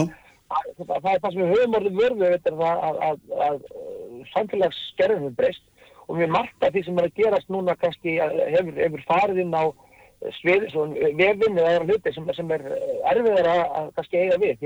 Þetta hefur tilneyingu til að fara úr sviðsljósinu, þá meina ég það að aðtryk sem að uh, kannski voru að gerast hérna áður inni í skólum uh, færast núna út fyrir skólana og það held ég sé líka mjög mikið þetta samfélagi að taka upp um samtala, þetta, þetta tekst ekki Mhm. og má ekki verða enn yfirborðskjönd umræðan sem endar svo bara því við býðum eftir næsta svona aðtiki því að við verðum að horfa á þetta til samfélagslega hlut og það horfa út fyrir skólana. Hérna, Sýrún, sko, þú ert, þú ert formað fagur á þessum einheltsmál sem að hérna í, í, á þessum, þessum aldri, þessum svona barnálingaldri Já. og þið takið mál sem að ekki fá, ekki er hægt að leysa í heimaheraði, skóla eða sveitafélögum og mér leikur bara farið að vita, er, fáið þið til að mörg mál á hverju ári, eru mörg mál sem koma til þessa, þessa hérna fagraðs? Það eru kannski 10-12 mál á ári og það hefur ekkert verið neins sérstök fjölgun á þeim hérna núna undanfærin ár. Nei. Eru þau öðruvísi, verri, skrýtnari, ég veit ekki hvaða orð maður ætti að nota til eitthvað meina að reyna sko þau eru náttúrulega bara alls konar. já, og þetta, við náttúrulega tökum ekki mál nema það sé búið að hérna, afgreða þau innan skóla og hérna hjá skólaskrifstofu að þjónustu miðstöð. Það er mál sem að leysast ekki þar, þeim er beint til okkar. En svo geta foreldra jafnframt vísa málum til okkar ef að hérna, þeim finnst um vannrækslu skóla eða sveitafélagsræða. En þetta er, þess ég segja, þau eru í rauninu jafn misjöfn og þau eru mörg máli sem komin á borð til okkar. Það er ekki þannig séð ein bein lína nema það að það er í rauninu hefur orðið trúnaðabrestur í langflestum tilveikum á milli heimils og skóla. En það er svona merkilegt að við beinum náttúrulega og ég er svo sem ekkert skári næri því ég er hérna með einn gamlan skólastjóra og forman kennarsambandir og einn kennara. Já, ég er deildarstjóri og- Já, fyrir um námsráðgjafi. Já, já, einmitt. Já. En, en ég segja, við beinum aðtiklinni mjög að skólunum. Já. En auðvitað eru þeir engir gerendur því að þetta fer náttúrulega fram jafn mikið utan vekkja þeir eins og innan. Já, því við horfum kannski svolítið á þetta í dag að við erum ekki bara að horfa á þólendur og gerendur. Nei. Við erum að horfa á hérna, skólasamfélagið í heilsinni og við erum að horfa á menninguna sem þrýfst innan bekkarinn sem leifir eineltun að þrýfast. Mm. Þannig að þetta er í rauninni ekki eins og þetta var kannski fyrir tíu árum þetta snerist allt um þólendur og gerendur. Heldur er þetta núna meira snúast bara um menninguna og, og bekkar árgangin í heilsinni. Hérna, skúli, sko, þú er, þú er þetta verkefnastjóri í fjölmiðlalæsis hjá, hjá fjölmiðlanemnd og hefur meðlans verið að skoða nótkun barnálinga á samfélagsmiðlum. Já. Og, og mér sýnist svona allir helstu fræðminni þessum bransa að vera sammála því að það skipti miklu máli í þessu. það gerir það og maður heyrir það líka bara í alltaf sem umræður núna eins og sem tengist þessu einleildsmáli er að eh, við áttum okkur á því að stór hluti af þessu er að eiga sér staðir á samfélagsmiðlum. Kommentin, aðtöðasemdirnar þær er að byrtast þar, myndböndin fari í dreifingun á samfélagsmiðlunum, þetta er nýja umhverfið okkar og við höfum hinga til verið að gera allt of lítið í þessum málum í forvarna fræðslu og fræðabönnin því að skipti máli hvernig við bæði lesum, greinum og metum upplýsingar á netinu en líka hvernig við sköpum þær. Og við höfum kannski ekki verið að leggja neina áherslu á þetta. Og í þessar umræðu heyrum við í samfélagsmiðlandir, þetta er, er neikvæður hliðarnar, samfélagsmiðlandir eru vondir en hvað er það sem er nynna, því það er líka jákvæðar hliðar. Og við hefum kannski ekki verið að fara neitt sérstaklega mikið á dýftin í því að hvaða atriða eru sem við þurfum að varast inn á samfélagsmiðlum. Hver eru þau? Ég hef verið að skipta upp í svona, til einfölduna líka Já. eh, svona þrjá þætti sem eru þá skadalegt efni sem við sjáum þannig inni. Og það getur verið líka þannig að við uh, algoritmanir ít okkur á ákveðna staði. Algoritmin eh, les það kannski ég horfa á eitthvað myndband sem er með einhverjum ákveðnu bóðskap, ég smelti á það bara því að e, þetta var áhugur einstaklingur eða, eða hvað sem er og, og síðan er einhver bóðskapur það leiði mig áfram uh, inn á einhverja skadalegt, inn á skadalegt efni og við sjáum þetta á TikTok. Það er fullt af skemmtilegu efni en svo eru allt í einu komið kannski stríðsmyndir frá, frá Úkræinu eða, eða einheltismyndir uh, það er þetta áreiti frá ókunnum og við sjáum að það er gríðarlega mikið. Og það er kannski nýja veruleikir nýjum líka eins og í einheltismálunum er að það er svo auðvelt að e, hérna, leggja einhelti naflust og við sjáum opáslega hátt hlutfall, hlutfall badna og ungmenn á Íslandi eiga naflusa reikninga inn á samfélagsmiðlum í samanbyrju við önnu lönd. Uh, þannig að ókunni geta verið eldri einstaklingar en líka jafnaldrar. Og síðan er kannski þriðja atrið sem er stafrænt fótspor. Þannig eru þau farin að uh, búa til upplýsingar og við sem fóreldrar farin að búa til upplýsingar um börnun okkar, deila þeim á netinu og þetta eru upplýsingar sem verða hann til staðar. Þannig að það er kannski þessi þrýr þættir sem við þurfum að passa upp á. Já, já. En er, er, er það alveg ótvírætt að samfélagsmiðla notkunin, hún, hún uh, færir ekki til einelti ef sem hún segja, eða, eða ábeldi heldur finnst þér að vera út fyrir þetta, hún magnar það hún náttúrulega veitir kannski svona annan vettang til þess að leggja í einheldi mm. og eins og ég segi kannski líka við sjáum í okkar ansvörnum þetta eru 40% barna á aldrinum þarna ja, undir átjónara sem eru með naflösa og falska reikninga þannig að ég get þá farið að leggja í einhelti með slíkum... Þú dregur þá álíktun að þeir séu notaðir í einhverju miður sómasamlegum tilgangi? Þeir, já, þeir eru notaðir í, í þeim tilgangi og fyrir þau börnin að þá finnst þeim ekki bera lengur sömu ábyrð mm. á gjörðunum að því að þetta er ekki gert í þeirra nafni. Mm. Þannig að þetta er svona breyting sem við þurfum að, þurfum að horfa til. Einhelti hefur verið til staðar en við erum komið alveg nýtt umhverfi. Já. Magnús, hvað, já. Það grýpa kannski aðeins að þessum bæðið styrun og, og, og svo erum við að tala um. Þá held ég að við séum kannski þarna að einmitt að reyna núna vonandi verið þetta skrefin sem við tökum. Ég er nefnilega algjörlega sammála því að stóra verkefnið í samfélaginu er það að, að nýta, svona, að nýta, ljótt að segja að það er nýta, en, en að nota það, það er umræðan verður þeim hætti sem hún er orðið, þar sem að menn hafi verið að stíga upp, þá verður við þetta að horfa til þess hvað viljum við sem samfélag gera til þess að bæta litina. Það er held ég að við séum bara ótvírætt eh, erum við á þeim stað að allir skólar, við erum að tala um núna alveg nýri leikskóla og framhaldsskóla hafa best við sem er til til að nýtt á Íslandi, erum með einhvers konar áallanir um viðbröð við, við eiginlismálum. Ég held aftur á móti að stóra máli sé akkurat það að, að fara núna í það hvernig getum við stýðið inn í hvaða aðstæði sem við búum við. Það eru til rannsóknir og ég betur þetta á olviðsæðarallunum að þeirra niðurstöður skólapúlsin sem sýnir okkur alveg það að þetta er hlutir einelti sem, sem hafa verið í gangi í þessi 20 árin.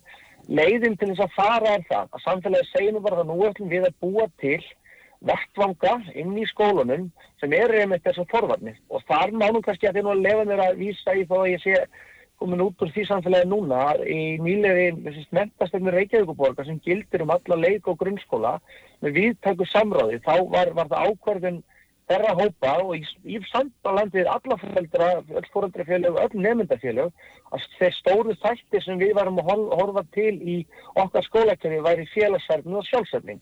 Þá skiptir mjög mjög máli að við sem samfélag horfum á það. Hvernig ætlum við að vinna með það?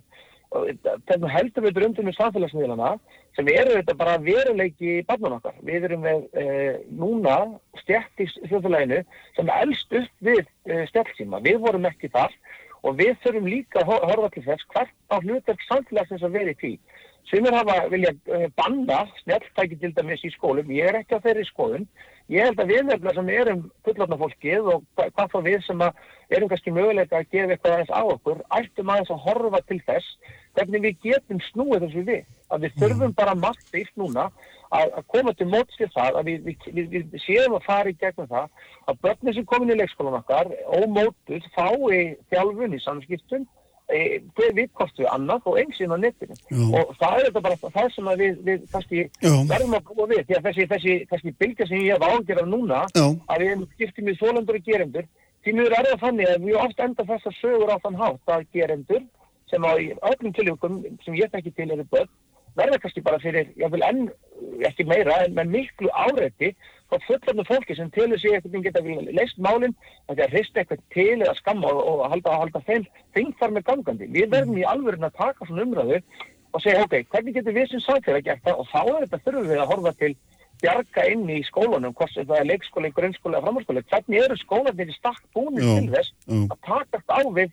stór verkefni? Því ég ætla þess að ekkert að draga undan því. Öll einheltismáli í samfélaginu sem að við komum á börnum um alltaf inn í skólastofuna. Já, akkurat. Það er að vera heiminn, sko. Já, einmitt nákvæmlega, hérna, Sigrun, sko, það, það er hérna, það er náttúrulega tilfjöldin allir á áhællunum og hann nefndi hérna Olveðsar áhælluna sem er búin að gangi sást, ég veit ekki, 20 ári eða lengur, jafnvel 30 ári kannski uh, og, og hérna, og það er búið að, og maður flettur upp í flettu fjölmörgum skólum og öllum heimasíðun þeirra eru áhællanir og, og um samráð nákvæmlega og breyta menningu og, allt hvað heitir og er en, en það er samt sem aður þannig að, að hérna, meðan það er ekki, hvað maður að segja, þetta er ekki aðgjörðabundið og það er ekki fjármagn og það er ekki fólk, þá er þetta bara orða bladi, ekki satt? Jú, og þetta er líka náttúrulega það að það er ekki samrændan einhildsáallinir. Það er í lögum að hverjum grunnskóla ber að vera með einhildsáallin til að takast á einhildi innan vekta skólans, en einhildsáallinar eru alls konar.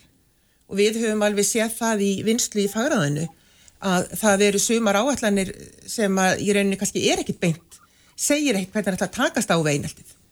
Það er svona búið að tala um alls konar og kannski búið að fela þetta inn í eitthvað er í ofbeldis áallun og annað. Þannig að við í fagráðinu höfum mikið talað um það að við viljum fá samrændar einhaldisáallanir mm -hmm. í rauninni bara yfir landi þannig að séu allir í rauninni með sömu aðgerðar áallun og hvernig þeir ætla að takast á við þetta. Þannig að það sé ekki svona rosalega mísjamt á millistafa. En, en þegar að þú og þið komið að málum sem er þá vantla komin í algjörst óefni Já. og að því að mér hefur vist það sem að maður bara sem fóreldri fjögur að barna sem hafa gengið í grunnskóla þá að það ekki neitt að lendi þessu að þá hérna auðvitað hefur maður heyrt um alls konar sögur Já. og oft á tíðum endar sagan alltaf þessu fóreldri gerandana fóreldrar stoppa málið, þau telli þetta sér á það sé ómanglega vegið að batinu sínu og svo framvegs Já. og þetta er hérna, virtist mann allavega hér á það fyrir vera oft ástöfningasegn Já, vegna þess að hérna, ef við höfum ekki fóreldra mm -hmm. í rauninni geranda með okkur í liði, þá leysum við þetta ekki Þa, það Nei, er ekki flókið, það verður að vera að, að þeir sem okkur í liði og við þurfum í rauninni að hafa þess að eins og núna erum við svolítið að horfa á allan bekkin og fá alla fóreldra innan bekkarins í lið með okkur til þess að drepa hérna, menninguna mm -hmm. því að það eru kannski einhverjir gerendur en svo eru þeir sem horfa á og þeir sem styðja við og segja í kúlmaður þegar einhver kemur inn í frímunut og búin að gera eitthvað þannig að þeir fá stuðning og upphefja sig og svo er þetta náttúrulega oft gerendurnir þetta eru krakkar sem er í vanda þannig við megum heldur ekki eins og kannski verist vera að það er að fara að hengja mann og annan jú, jú. að það þarf að vinna með þessi börn jafn mikið og þólandan Þetta er, bæð, þetta er allt börn í vanda sem þarf þá að aðstóða í félagslegin samskipta. En um leið eru þau öll undir sama þakki sem gerir þetta mjög flókið því hvers vegna á bat sem að hefur verið beitt ofbeldi í marga mánuði að þurfa að ganga um sögum ganga og gerendurnir og hérna upplifa þessa, þessa ræðlu tilfinninga dag út og daginn sko. Mér bara, þetta er bara svona ekki óelli kraf, þetta er bara nákvæmlega eins og ég hérna var í MH um daginn um, um nöðgunina, bara nákvæmlega samskonar En það verður þetta ofti þess að hérna, þólendur flytja sig um skóla. Já. Og hérna, ég er með persónar reynsla því að ég flytti elsta són minn um skóla og það í rauninni segi ég bjargaði lífans um svona kennarin sem að fjekk í, mm. í hérna, fyrsta árinu sínu. Hún tók alveg utanum hann og passaði alveg upp á allt. Þannig að ég upplifði þetta ekki sem tap alltaf að þurfa að færa skóla. Mm. En það eru náttúrulega mjög skiptar skoðanir á því sumir vilja gerendetni séu færðir en þá kemur líka, eru þá bara ekki að færa vandamálið annað hvort sem við færum þólanda að gerenda sem er með mm. óuppgerð mál við verðum að vinna úr málunum áður þeir fara annað Já. Hérna skuli þessi, þessi svona þessi, þessi þetta, þetta andlitslausa áreiti þú verðst að nefna og þetta er svona þessi, þetta, þessi hugmyndum það þú getur áreitt einhvern aðeins og nokkuð tíman þannig séð að hittan og, og vita hann hvort skapaðan hlut um hann þetta er náttúrulega einhver verleiki sem að sko er nýr og maður auðvitað veldi fyrir sér og þú veldir nú upp í grein sem þú skrifar og vísi líka sko það eru aldurstakmörk inn á þessi forrið sem er, er ekki virt að sjálfsögðu. Og, og þá, og því Magnús sagði að hann væri mótið bóðum og bönnum, ég finna margt fólk er það ekki, hvað hva heldur þú að vera skynsvöld að gera í, í þessu? Já, sko, við verðum að nýta semræði núna og, og virða þessi aldurstakmörk. Og maður sér núna að það er Það er 13 ára aldurstakmörk inn á martaði sem fóruð 13 ára aldurstakmörk inn á flest alla miðla. Já, og já. við sjáum það að 60% batna 9-12 ára eru með aðganginn á TikTok og Snapchat. Mm. Það er 13 ára þannig ekkert af þessum börnum sem er 60, þessum 60% hefur aldrei til að vera að þinni 50% er eigin aðganginu YouTube það er líka aldurstakmar til að eiga aðganginu YouTube það er 13 ára þannig að við þurfum að virða þessi aldurstakmörk og þegar við erum að, eins og núna maður heyri umræðina við, hún beinist rosalega mikið af skólunum. Mm. en við þurfum að taka hana til okkar sem fórættar líka. Það er erfitt fyrir mig sem kennari að vera með, með back að börnum sem er búin að vera inn á þessu lengi og alltaf fara inn að slökka eldana eftir á. Hver gæðin leifið til þess að fara inn á þessa miðla, það voru við fóreldrar mm. hver hefur eftirliti með þessu miðlum svo, það eigum að vera líka við fóreldrar og hvers konar fyrirmyndir eru við líka þegar við erum að nota þessi tæki? Ekkert sérstaklega góðar held ég. Uh, og þannig að ég held að við, við þurfum öll og, og líka ég, þótt að ég sé verkanastjóri í miðlalæsi, við þurfum að líti eigin bara um hvernig fyrirmyndir eru við uh, og hérna, en við sjáum þetta naflösa áriti, það hefur alveg verið til staðar e, áður líka þegar, þegar ég var yngri þá var þetta SMS skilabóð mm. nafnlöskjörnu netið, við stoppuðum það við þurfum að stíga niður fætinum því þannig erum við líka fann að sjá það að börn alveg niður í 5-6 ára eru komið þannig. Spurningin er alltaf að þess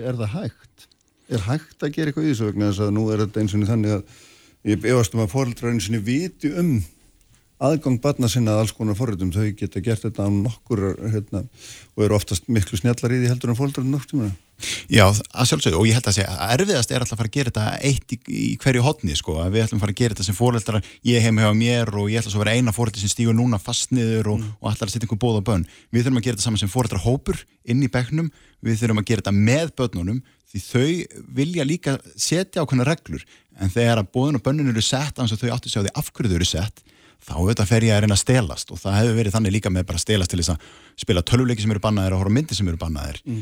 ég þarf að vita af hverju þetta er svona. Fáum þau að borðinu líka eigum þetta samtal með þeim. Hvernig vilja þau að þetta umhverju sé? Þetta er nýja umhverjuð okkar. Þarna þurfum við bara að kenna umhverjureglunar alveg eins út í umhverjunni ef við ætlum ekki að lenda fyrir bíl. Já. Magnús, hérna, það sem Sigrun var að segja um, um, um refsingar sem er mjög áhugavert vegna við sjáum þannig að það gís upp alltaf hérna núna og ofta áður og líka að það þurfum við að, að refsa gerendunum. Uh, byrtaði myndir, byrta myndir af fóldröðinra og svo framvis og margt annað miklu verra sem búið að segja. Uh, hérna, þú er, þú er sem skólastjóður þetta að taka á svona málum. Hva, hvað, hvað er rétt að gera, hvað finnst þér rétt að gera? Hvað hefur skila árang í svona málum einn ástæðan kannski ég, ég er að tala með því Kristján um það, ég, ég vona að það hefur náðum einhvern veginn að taka þau skref sem við höfum verið að benda á, við langar að fyrsta benda það ég er alls ekki að tala með því að menni að, ekki verður aldurstakmunguna miðlama bennum minn geta ótt að það, ég er alveg klar á því.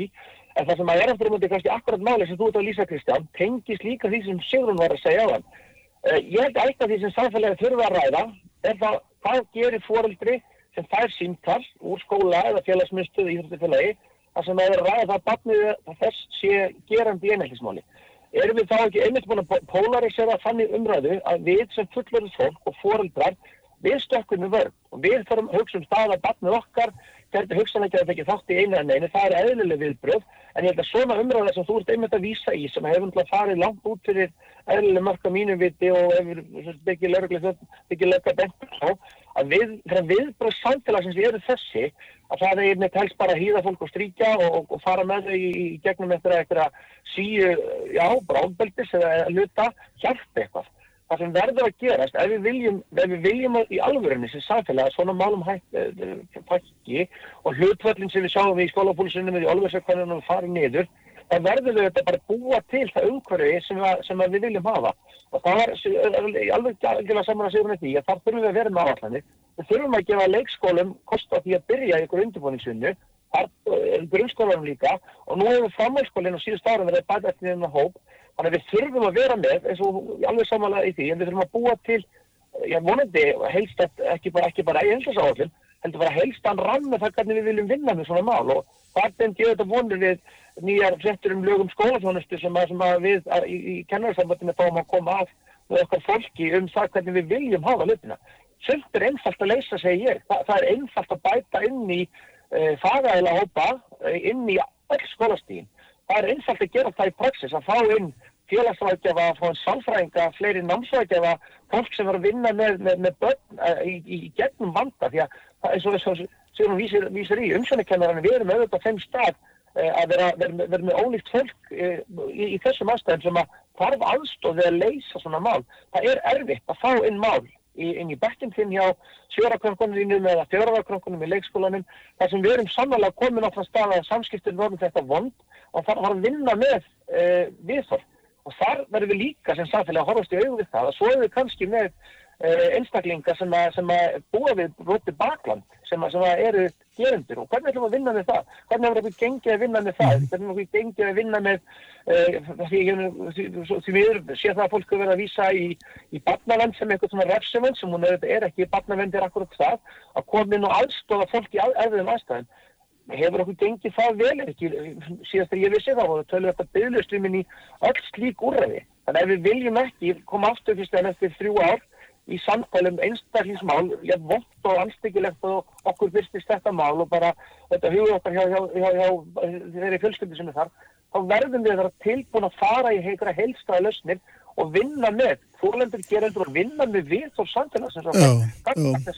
Það er eina lögni. Já, hérna, langar að fá álitið á þessu vegna, hérna, þú, þú ert með þessi erfiðu mál hjá þér, mjög erfiðu mál og það er svona þarft einmitt að eiga við áræðanlega hérna, bæði börn sem eru í erfileikum og eru þess vegna að hérna, einhvern veginn að fá útrás á öðrum börnum, ger ég ráð fyrir, en líka örglega broti bakland, en svo örglega líka önu að foreldra sem að hérna, telja að brotið hafi verið að sína börnin ekki öfugt, sko. Já. Og, og, og hvernig, veist, hva, hva, hva, hvernig vinnur þú úr þessu ef ég má spyrja, sko, og Og þið? við viljum náttúrulega fá, að sjá öflugri forvarnir og Já. forvarnir sem að kosta skólasamfélagið ekki. Hvað, hvað er það nákvæmlega? Það er í rauninni, kannski það séu hérna núna hefur menta og barnamálar á þeirra verið að tala um það að styrkja fagráðið Mm. og fá aðila sem að kemur og sér um forvarnir innan skólana. Við náttúrulega sem sitjum í, í hérna fagráðinu erum þar bara í aukavinnu. Þannig að... En er, forvarnir, eru það fundir eða Nei, það er í námskeið raun eða að koma, meiri hvað það? námskeið koma inn á gólf með börnunum. Sjálfstyrkingarnámskeið, vinna með þeim, veist, ræða um, veist, það sem fer á netið er þar alltaf, það hverfur ekkert. Mhm. Og það þarf svolítið að fá þau með okkur í lið að skilja þetta, heyra þeirra rættir og ræða þá út frá því hvernig getum við unnið þetta saman. Það þýðir ekkert að koma að segja, nei, nú ætlum við bara að loka á Snapchat, það verður engin meira með Snapchat. Þá eru þau bara í því að downloada appinu á, leiðin í skólan Mm. og svo henda þeir því út þegar þau komið heim í kvöldum. Þannig við verðum að vinna eitt í samræðu, samráði þar. En, en það er, sko, þú talar um erfiðu málinn í fagráðinu, það far ekkert alltaf allir sáttu frá borði. nei.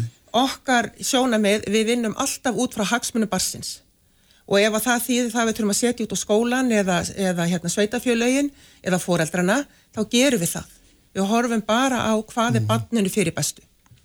Og meðan við höfum það algjörlega leiðaljósi, að þá er ekkert erfitt að segja við foreldrana þarna klikkuðu þið. En þú þarfst náttúrulega að vita nákvæmlega hvað er fyrir barninu fyrir bestu og það getur nú vantarlega ekki alltaf verið Nei, Bara að af horfa á, nei, við erum kannski að horfa á hvernig kemur þið til með að líða betur inn í skólan. Hvar klikkaði skólinn? Eru foreldrarnir ekki að hlusta á það sem skólinn og, og fagfólk hefur að segja til að koma til móts við í raunin svo við getum leist málið hjá barninu? Þannig við verðum að vera í samstarf og það er sannlega bara í rauninni stóri punktin, þetta þetta snýst allt um samstarf. Já, en hérna skúli þar sem við þurfum að fara að ljúka.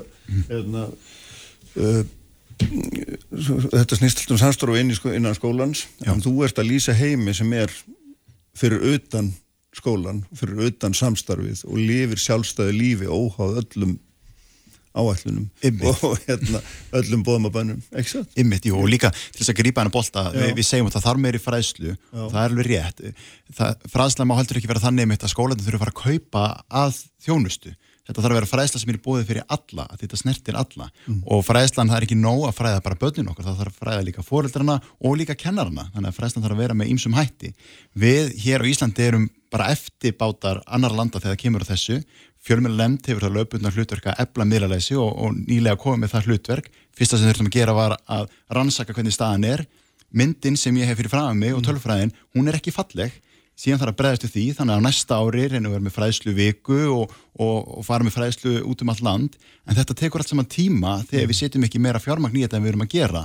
Þannig að eru við þá alltaf á eftir miðlunum? Að því það er alltaf verið nýjur nýjur miðlar. TikTok er 6 ára gammal, eh, Instagram 11 ára gammal þannig að það er nýr miðl að vera til í dag sem er að fara að vera næsta sprengja. Og næ ég að halda í við það verandi hérna einn verkanastjóri miðlalæsis eh, við þurfum að setja miklu meiri pening í þetta. En er, er hérna, ég veit ekki hvort maður má svo lítil tími, en, en sko, að að eitt er tækni og annað er innræti, ekki satt. Og það sem manni finnst byrstast í þessum máli, það sem maður vita um neitt um þannig bara það sem er komið fram úr merlega, er ílska. En er ekki, er ekki á bakvið ílskuna barni sem líður illa? Af Já, jú, það, get, barn- já, af það hverju- getur vel verið, en, en það er samt byrtist einhver, einhver, einhver ílska sem að, maður á bara mjög erfitt með að skilja. Já, en þá þarf maður kannski að fara svolítið undir yfirborðið Mhm. og skoða hvað er það sem er að kalla fram þessa ílsku. Þannig að ég held og, og, og þess vegna er ég að segja það að, gerendurni þurfi hjálp líka vegna þess að það er einhvað sem er að ángra þá og foreldra þurfi ekkert að vita því og skólinn veit kannski ekkert að því og þetta er kannski bara einhvað sem er í gangi í kollinum á þeim og ekkert tengt raunveruleikanum. Mm. En það er eitthvað sem liggur þarna baki. En svo náttúrulega má líka segja bara, þú veist, eru til illa innrættir einstaklingur og er það að koma fram þarna. Þannig að, að, hérna, en ég verð alltaf að því ég er að vinna í þessum málum, Já. þá vil ég trúa því að þetta sé eitthvað sem við getum unni með og getum aðstofa með. Já. Hinn möguleikin alveg óbærilegur. Já, já, akkurat. Magnús, hérna, getur verið eina mínútu að, segja mér um það hvernig þú og þið hafið leist úr því ef að ef svona mál hefur komið upp í þínum skóla og hérna og fólk hefur þurft að umgangast e, á, eftir sem aður líkilega sé akkurat það var að leita, leita að komast snemma inn í hlutina, við erum snemntækur í hlutun og, og, og við höfum verið í, í þessum skólum sem ég verið í þá við erum, einstaklega heppin með, með samstagsfólk og fagfólk, við erum námsækjaðar eða ég vil ekki verið með kennarhótt sem hefur verið alveg tilbúin að leggja mikla vinnu í það, því að því, það, það er það sem við þurfum að gera. Við þurfum að, að gefa okkur tíma inn í skólastofunni, inn í skólanum og bara búa til þann skólaanda sem segir það við ættum að bregðast við við munum ekki losna við uh, ofbeldi, vond samskipti segja voldafsafsjánskipti þau komu þau eru börn og eins og séum fóru í gegnum máðan þau eru ólíku bakgrunnur og við munum þurfa að vinna með þau. Þegar að málinn komu þá skiptir máli að vera með stilvirkan þegar Lísa Sýrún er að lýsa ég er hjá faraðin og ég veit það að, að faraði hefur, hefur góðan stimpil í skólasamfélaginu þegar mál hafa þurft að rata fangaðan á borð og sama átt er það þannig að skólar eru, eru að vinna með einhverjum ég deilir skoðan séruna með það við eigum að, að miklu mara púði það að vinna með það hvernig við uh, höfum það ferðla skilvirka. Þegar það er þetta ekkert einfalt og það er alveg að sama hjá okkur inn í skólanum. Þegar við erum að skoða okkar ferðla og við erum að fara í gegnum málinn þá er þetta erfið mál. Það er mjög erfitt fyrir fóröndra að setja sig við að barnið er að sé metið að skóla sem gerandi einheltismáli þannig að þetta er erfið hlutir að, en, en það er það sem skólar eru að gera á Íslandi út um alland á hverjum degi er að vinna svona mál. Og það held ég að stóra svarið sé einmitt að auka fagdækningun inn í skólana og auka stuðning við það starf. þetta er bara lókin sko að þessu, þessu máli sem er vond og erfitt. Og erum að díla við svona mál í öllum skólum landsins held ég á hverju ári. Og við þurfum að taka umræða núna og sá til þess að, að við bregðum betur við í framtíðin heldur við hefum gert undanfæri. Einmitt. Herri, takk Magnús fyrir að vera með okkur, takk Sigrun og skúli fyrir að koma og ég verði með hann Hilmar Þór Hilmarsson hérna hjá mér eftir ögnum Takk fyrir. Herri, bestu þakk. Sprengisandur, alla sunnudaga á bylgjunni. Hlustaðu hvað sem er, hvenu sem er, bylgjan, sprengisandur, á bylgjunni. Sælir afturlustundur Magnús Þór Jónsson, Skúli Bræði Geirdal og Sigrun Garþíja Torrensen uh, fannum frá mér eftir hér fróðlega og öfluga umræðu um, um einheltsmál í kjölfarðasa ljóndamál sem að uppkom, eða uppkomst, uppkomst um í Hafnarfyrði uh, í síðustu viku. Uh, en í símanum norðan frá Akureyri Hilmar Þór Hilmarsson, professor við Háskólinu Akureyri, sæla blessaður Hilmar.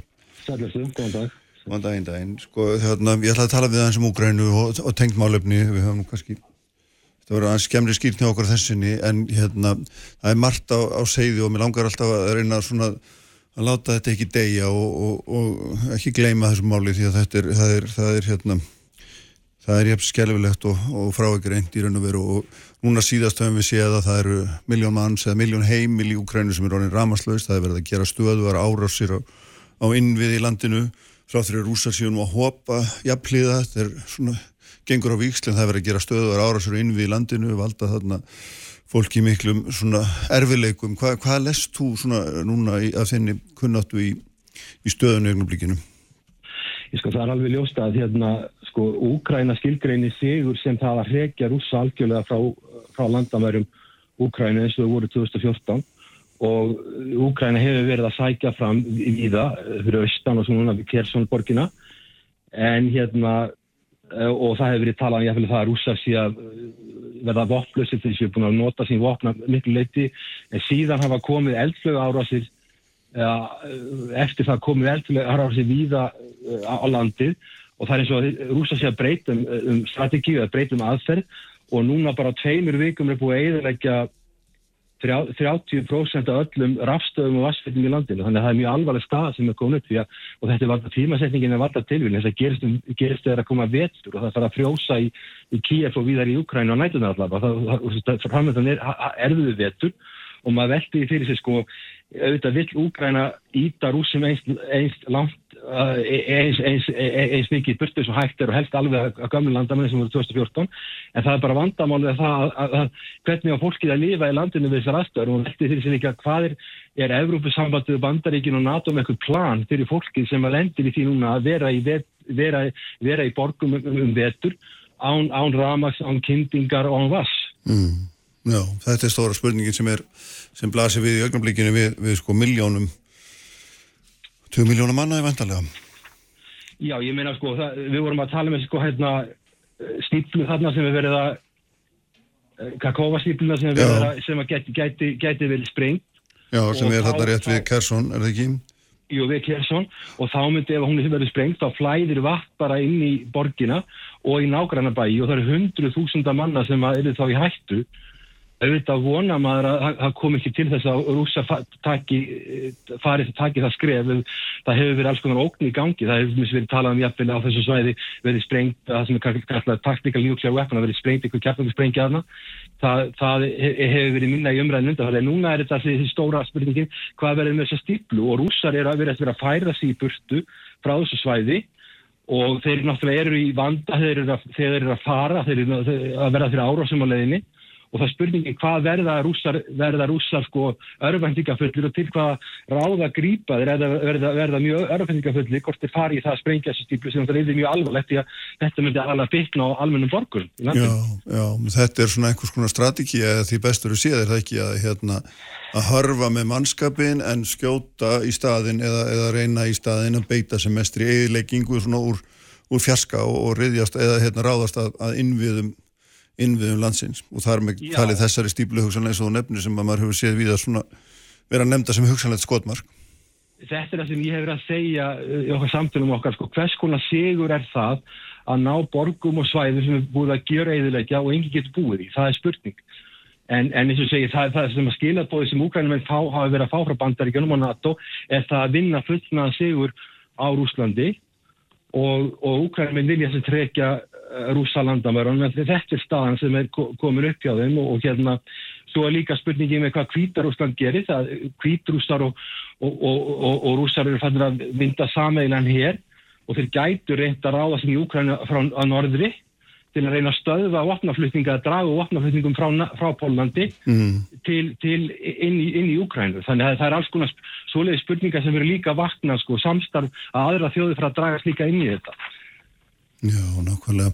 Og eftir því sem að svona því við höfum einmitt rætt oft sko hérna þessa eyðileggingu, miklu eyðileggingu, þetta gríðalegu eyðileggingu og það hvernig svona, hvernig landi verður byggt upp aftur, hvernig svona það verður sko, það, þetta, er, þetta er mál sem að bara, sem að raun og veru vex með, raun og veru getur maður sagt með degi hverjum sko, þetta, þetta, það, það er þannig. Já, sko, málið er það, sko, sem mér finnst að, að, að það var ekki alveg full rétt með samninga. Við erum með uh, Biden sem er uh, virðist, alltaf ef við skoðum hvernig Kennedy brást í kúpudelinni, hann brást alltaf við við kúpudelinni heldur en að Biden breyst við Úkraínudelinni, hann samti, en Biden er með þá stefnu að Úkraína eigi að vinna stríðið og við erum að tölum um það frá, frá með september þá hefur, hefur tjónið í Úkraínu eru 50 miljardar íslenska króna Mm. og við erum að tala um að meðaltali 200 miljardar á dag í tjón sem hefur orðið og þetta er náttúrulega gríðalega mikið og það veit enginn hvernig á að fjármagna þessa uppbyggingu og hérna þannig að það er eitthvað og, og Ólaf Sjóðs þarna kanslari Þískaland sagði að það myndi taka ára tíi að koma Úkræna á þann, þann punkt sem hún var á 23. februar 2022 árin, á- áður en ára sem hófst Já, þannig að, að, að þó að Úkræna ná að rekja rúsa í burtu sem vonandi verður, þá náttúrulega eru, eru gríðarlega verkefni framöndan og erfið, erfitt fyrir fólk að lifa í landinu eftir, eftir, eftir, ít. já, þannig að þú ert að, þú ert að svona, eins og þú hefur gert áður auðvitað í að því að það væri skynsanlegra að, að, hérna, að slíðra vopnin áður en að þetta verður óvistíðanlegt verkefni. Já, ef að þú segir þetta, þá þá ertu gætna að kalla það pútinisti, ég kannski vil ka- kalla mig kennitíðist, að ég vil, ég, þetta er mjög erfið staða. Meina, hvers konar sigur er það að, að, að ná að hekja rúsa í burtu ef að landið, að landið er í rúst. Það er náttúrulega, er sigur með, með sem eru blendar tilfinningar. En allavega, allavega rússar hafa breyttu strategíu og svo er annað sem við erum að tala um að verk landsframleysla á Úkrænu hefur dreigið saman um uh, alþjóða gældur sem segir 35% af þessu árið verið veri samdráttur, alþjóðabækin segir 45%, þetta er algjört hrun Mm. og meðan Rússland samdráttur er það sagt alþjóða gældur sem nýjusum spám er 3,4% þannig að Rússland hefur ekki orðið fyrir neinu þungu áfalli í verk, eða þú mælir þetta í verki landsframleyslu uh, yfir þetta tímabil. Nei, sem að þvert á það sem viðskiptaþvinganir myndu eiginlega hérna, valda miklu, me- val- myndu valda miklu meiri, miklu meiri samdrætti heldur en, heldur en orðið hefur, samkvæmt þessum nýju tölum sem þú ætti að nefna. Já, það, það hefur verið og það, það stafar að því að, að, að, uh, hérna, rússar hafa aðganga að, að Kína og þeir hafa aðganga sem Brexlandum sem við Já. talaðum áður, Brasíli, Rússlandi, Indlandi, Suður Afríku og nú er Argentína, Íran og Saudi-Arabia að- sækja þeirra komast, komast í Brexhopin sem er undir fóristu Kína og þessi lönd samanlagt í verkefni aðframlislu eru er orðin starri en G7-löndin sem eru ríkust yfirríkin. Þannig að sko þó að ríkust yfirríkin sem eru þá, sem eru þá uh, ríku Evrópus, eða Evrópusammarslöndin, Norður Ameríka og svo Japan mm. og þó að þau fari í um, harðari og harðari viðskipta þá, þá dugar það ekki sko. það, það, það, það dugar ekki þessu aftar þetta er eins og, eins og bandaríkin eru lengi búin að vera með viðskipta þvinganir við, við Norður Kóru 90% auðvitaðisviðskipti Norður Kóru eru við Kína. Þannig að beita sko, það, það, það, það dugar ekki þegar að nema, nema, nema, nema að, að, að þetta sé almenn þáttaka landa í þessum þingunum þannig að þessar mælingar Rúsland sínast að það er, það, það er samdráttur en það er alls ekkert að það er neitt hrun hjá Rúslandi var þetta verka landsframlisli. En það er alveg merkilegt svona, ég veit að það er ekki langur tími en, en þetta BRICS dæmi sem þú vart að nefna vegna þess að Íran er einmitt að sækja með aðelda þessum BRICS samtökum, þessum það eru fimm þar inni og það eru nokkur að sækja um og, og Íranir eru einmitt búin að vera að senda rússum dróna sem að hafa hérna, vakið mikla aðtikli núna í þessum átökum nýjust og maður getur svona ef maður vill allavega lagt þetta saman og fengið út að það sé að verða til einhver blokkarna ríkja sem að svona er ekki til í að samþykja það svona heimskipulag sem að vestuveldin hafa óneittalega hérna haft fórust um að skapa og sköpuð eftir, eftir setjastríð. Já, þe- þetta er alveg algjörlega rétt og með, sko, bandaríkin vilja búa í því sem það júnipóla út, það séu algjörlega ráðandi vilja vera ráðandi eins og þau voru eftir setning heimstyrlutina en þessi lönd er að gera uppreist gegn því kerfi og eru undir fórustu bandaríkina og já, Íra náttúrulega Undir að Kína meinar þú, ætlaði að segja var það ekki? Hvað séu þau? Þú sagði þú, ég ætlaði að segja þú ætlaði að segja undir, þau eru undir fórstu Kína. Þetta er fórstu bandaríkina ætlaði að segja, alveg þér. No. En sko, Íran hefur lengi verið í deilum við hérna við bandaríkinn sem við veitum það sem vekur aðtyrja núna er að, að, að, að Sáti Arabíu er líka núna farin að taka afstöðu með Bríkslandunum Já. vill fara inn í hópin og er að, er að takmarka oljuframlislu á þeim tíma þegar að bandaríkinu og Biden fór þarna sneipu fyrir til Íran til, til Sáti Arabíu til þess að reyna að fá Sáti Arabíu til þess að auka oljuútluting þannig að þessi lönd eru greinilega að bindast ákveðinu samtökum e- e- einmitt gegn þessu heimstýpulaði sem þú varst að tala um sem að væri sko yfir á bandaríkjana og vestur, og, og, og vestur Európaríkja, eða vestur landa Já, já. og uh, þannig að sko staða bandaríkjana þessi persaflóan er orðið mjög slæm. Það er náttúrulega áhugjefni fyrir, fyrir bandaríkin. Já, þannig að þetta er, það er hérna svona, það er að teiknast upp ef maður svona reynir að skiknast aðeins vitt yfir, það er að teiknast upp einhver, einhverju nýjir svona átakafletir, einhver ný mynd af, af svona valdablokkum í heiminum, það er að mista þú alveg hægt að, að greina það. Já, og, og að sama tíma þetta er að gera, svo bandaríkin eru upptekin í, í hérna, eru upptekin í Evrópu vegna Úkrænu, þá hafa bandaríkin algjörlega, eða vanrækt Austur-Asíu, þannig að e, nú hefur við vitum að það er, er ákveðna deilur, það er mikla deilur út af Taiwan og bandaríkin eru núna vanbúin að takast á við þann vanda sem þar er vegna Kína, þannig að sko þegar bandaríkin, he- sko, sko vandamál bandaríkina er ekki fyrst og fremst Rúsland, vandamál bandaríkina er Kína og, og það, það er ákveðin mannræsta í gangi að, að, að, að mynda bandalög og, undirbúa sig undir það sem bandaríkin leggja áslá sem er að verja Tævan. Þannig að þetta tengist líka þar. Já, einmitt, þetta er allt saman hérna. Við verðum hérna að láta þessu loki núna, Helmar, en hérna frólitt eins og alltaf að heyra í þér og við förum betur yfir þetta allt saman hérna þegar við skoðum heiminn saman næst. Takk að fyrir. Takk fyrir sem leiðis. Við verðum hérna að láta sprengisendurum loki í dag. Ívar Daví Halldórsson stýriði útsendingu eins og hann gerir alltaf á sinni alkunnu snild. Allt efni, vísi.is, bilgja.is, hvar veitna það sem þið finnið. Hljóðvarp og svo í bilgju appinu. Við erum með ykkur áttur eftir viku. Verið sæl.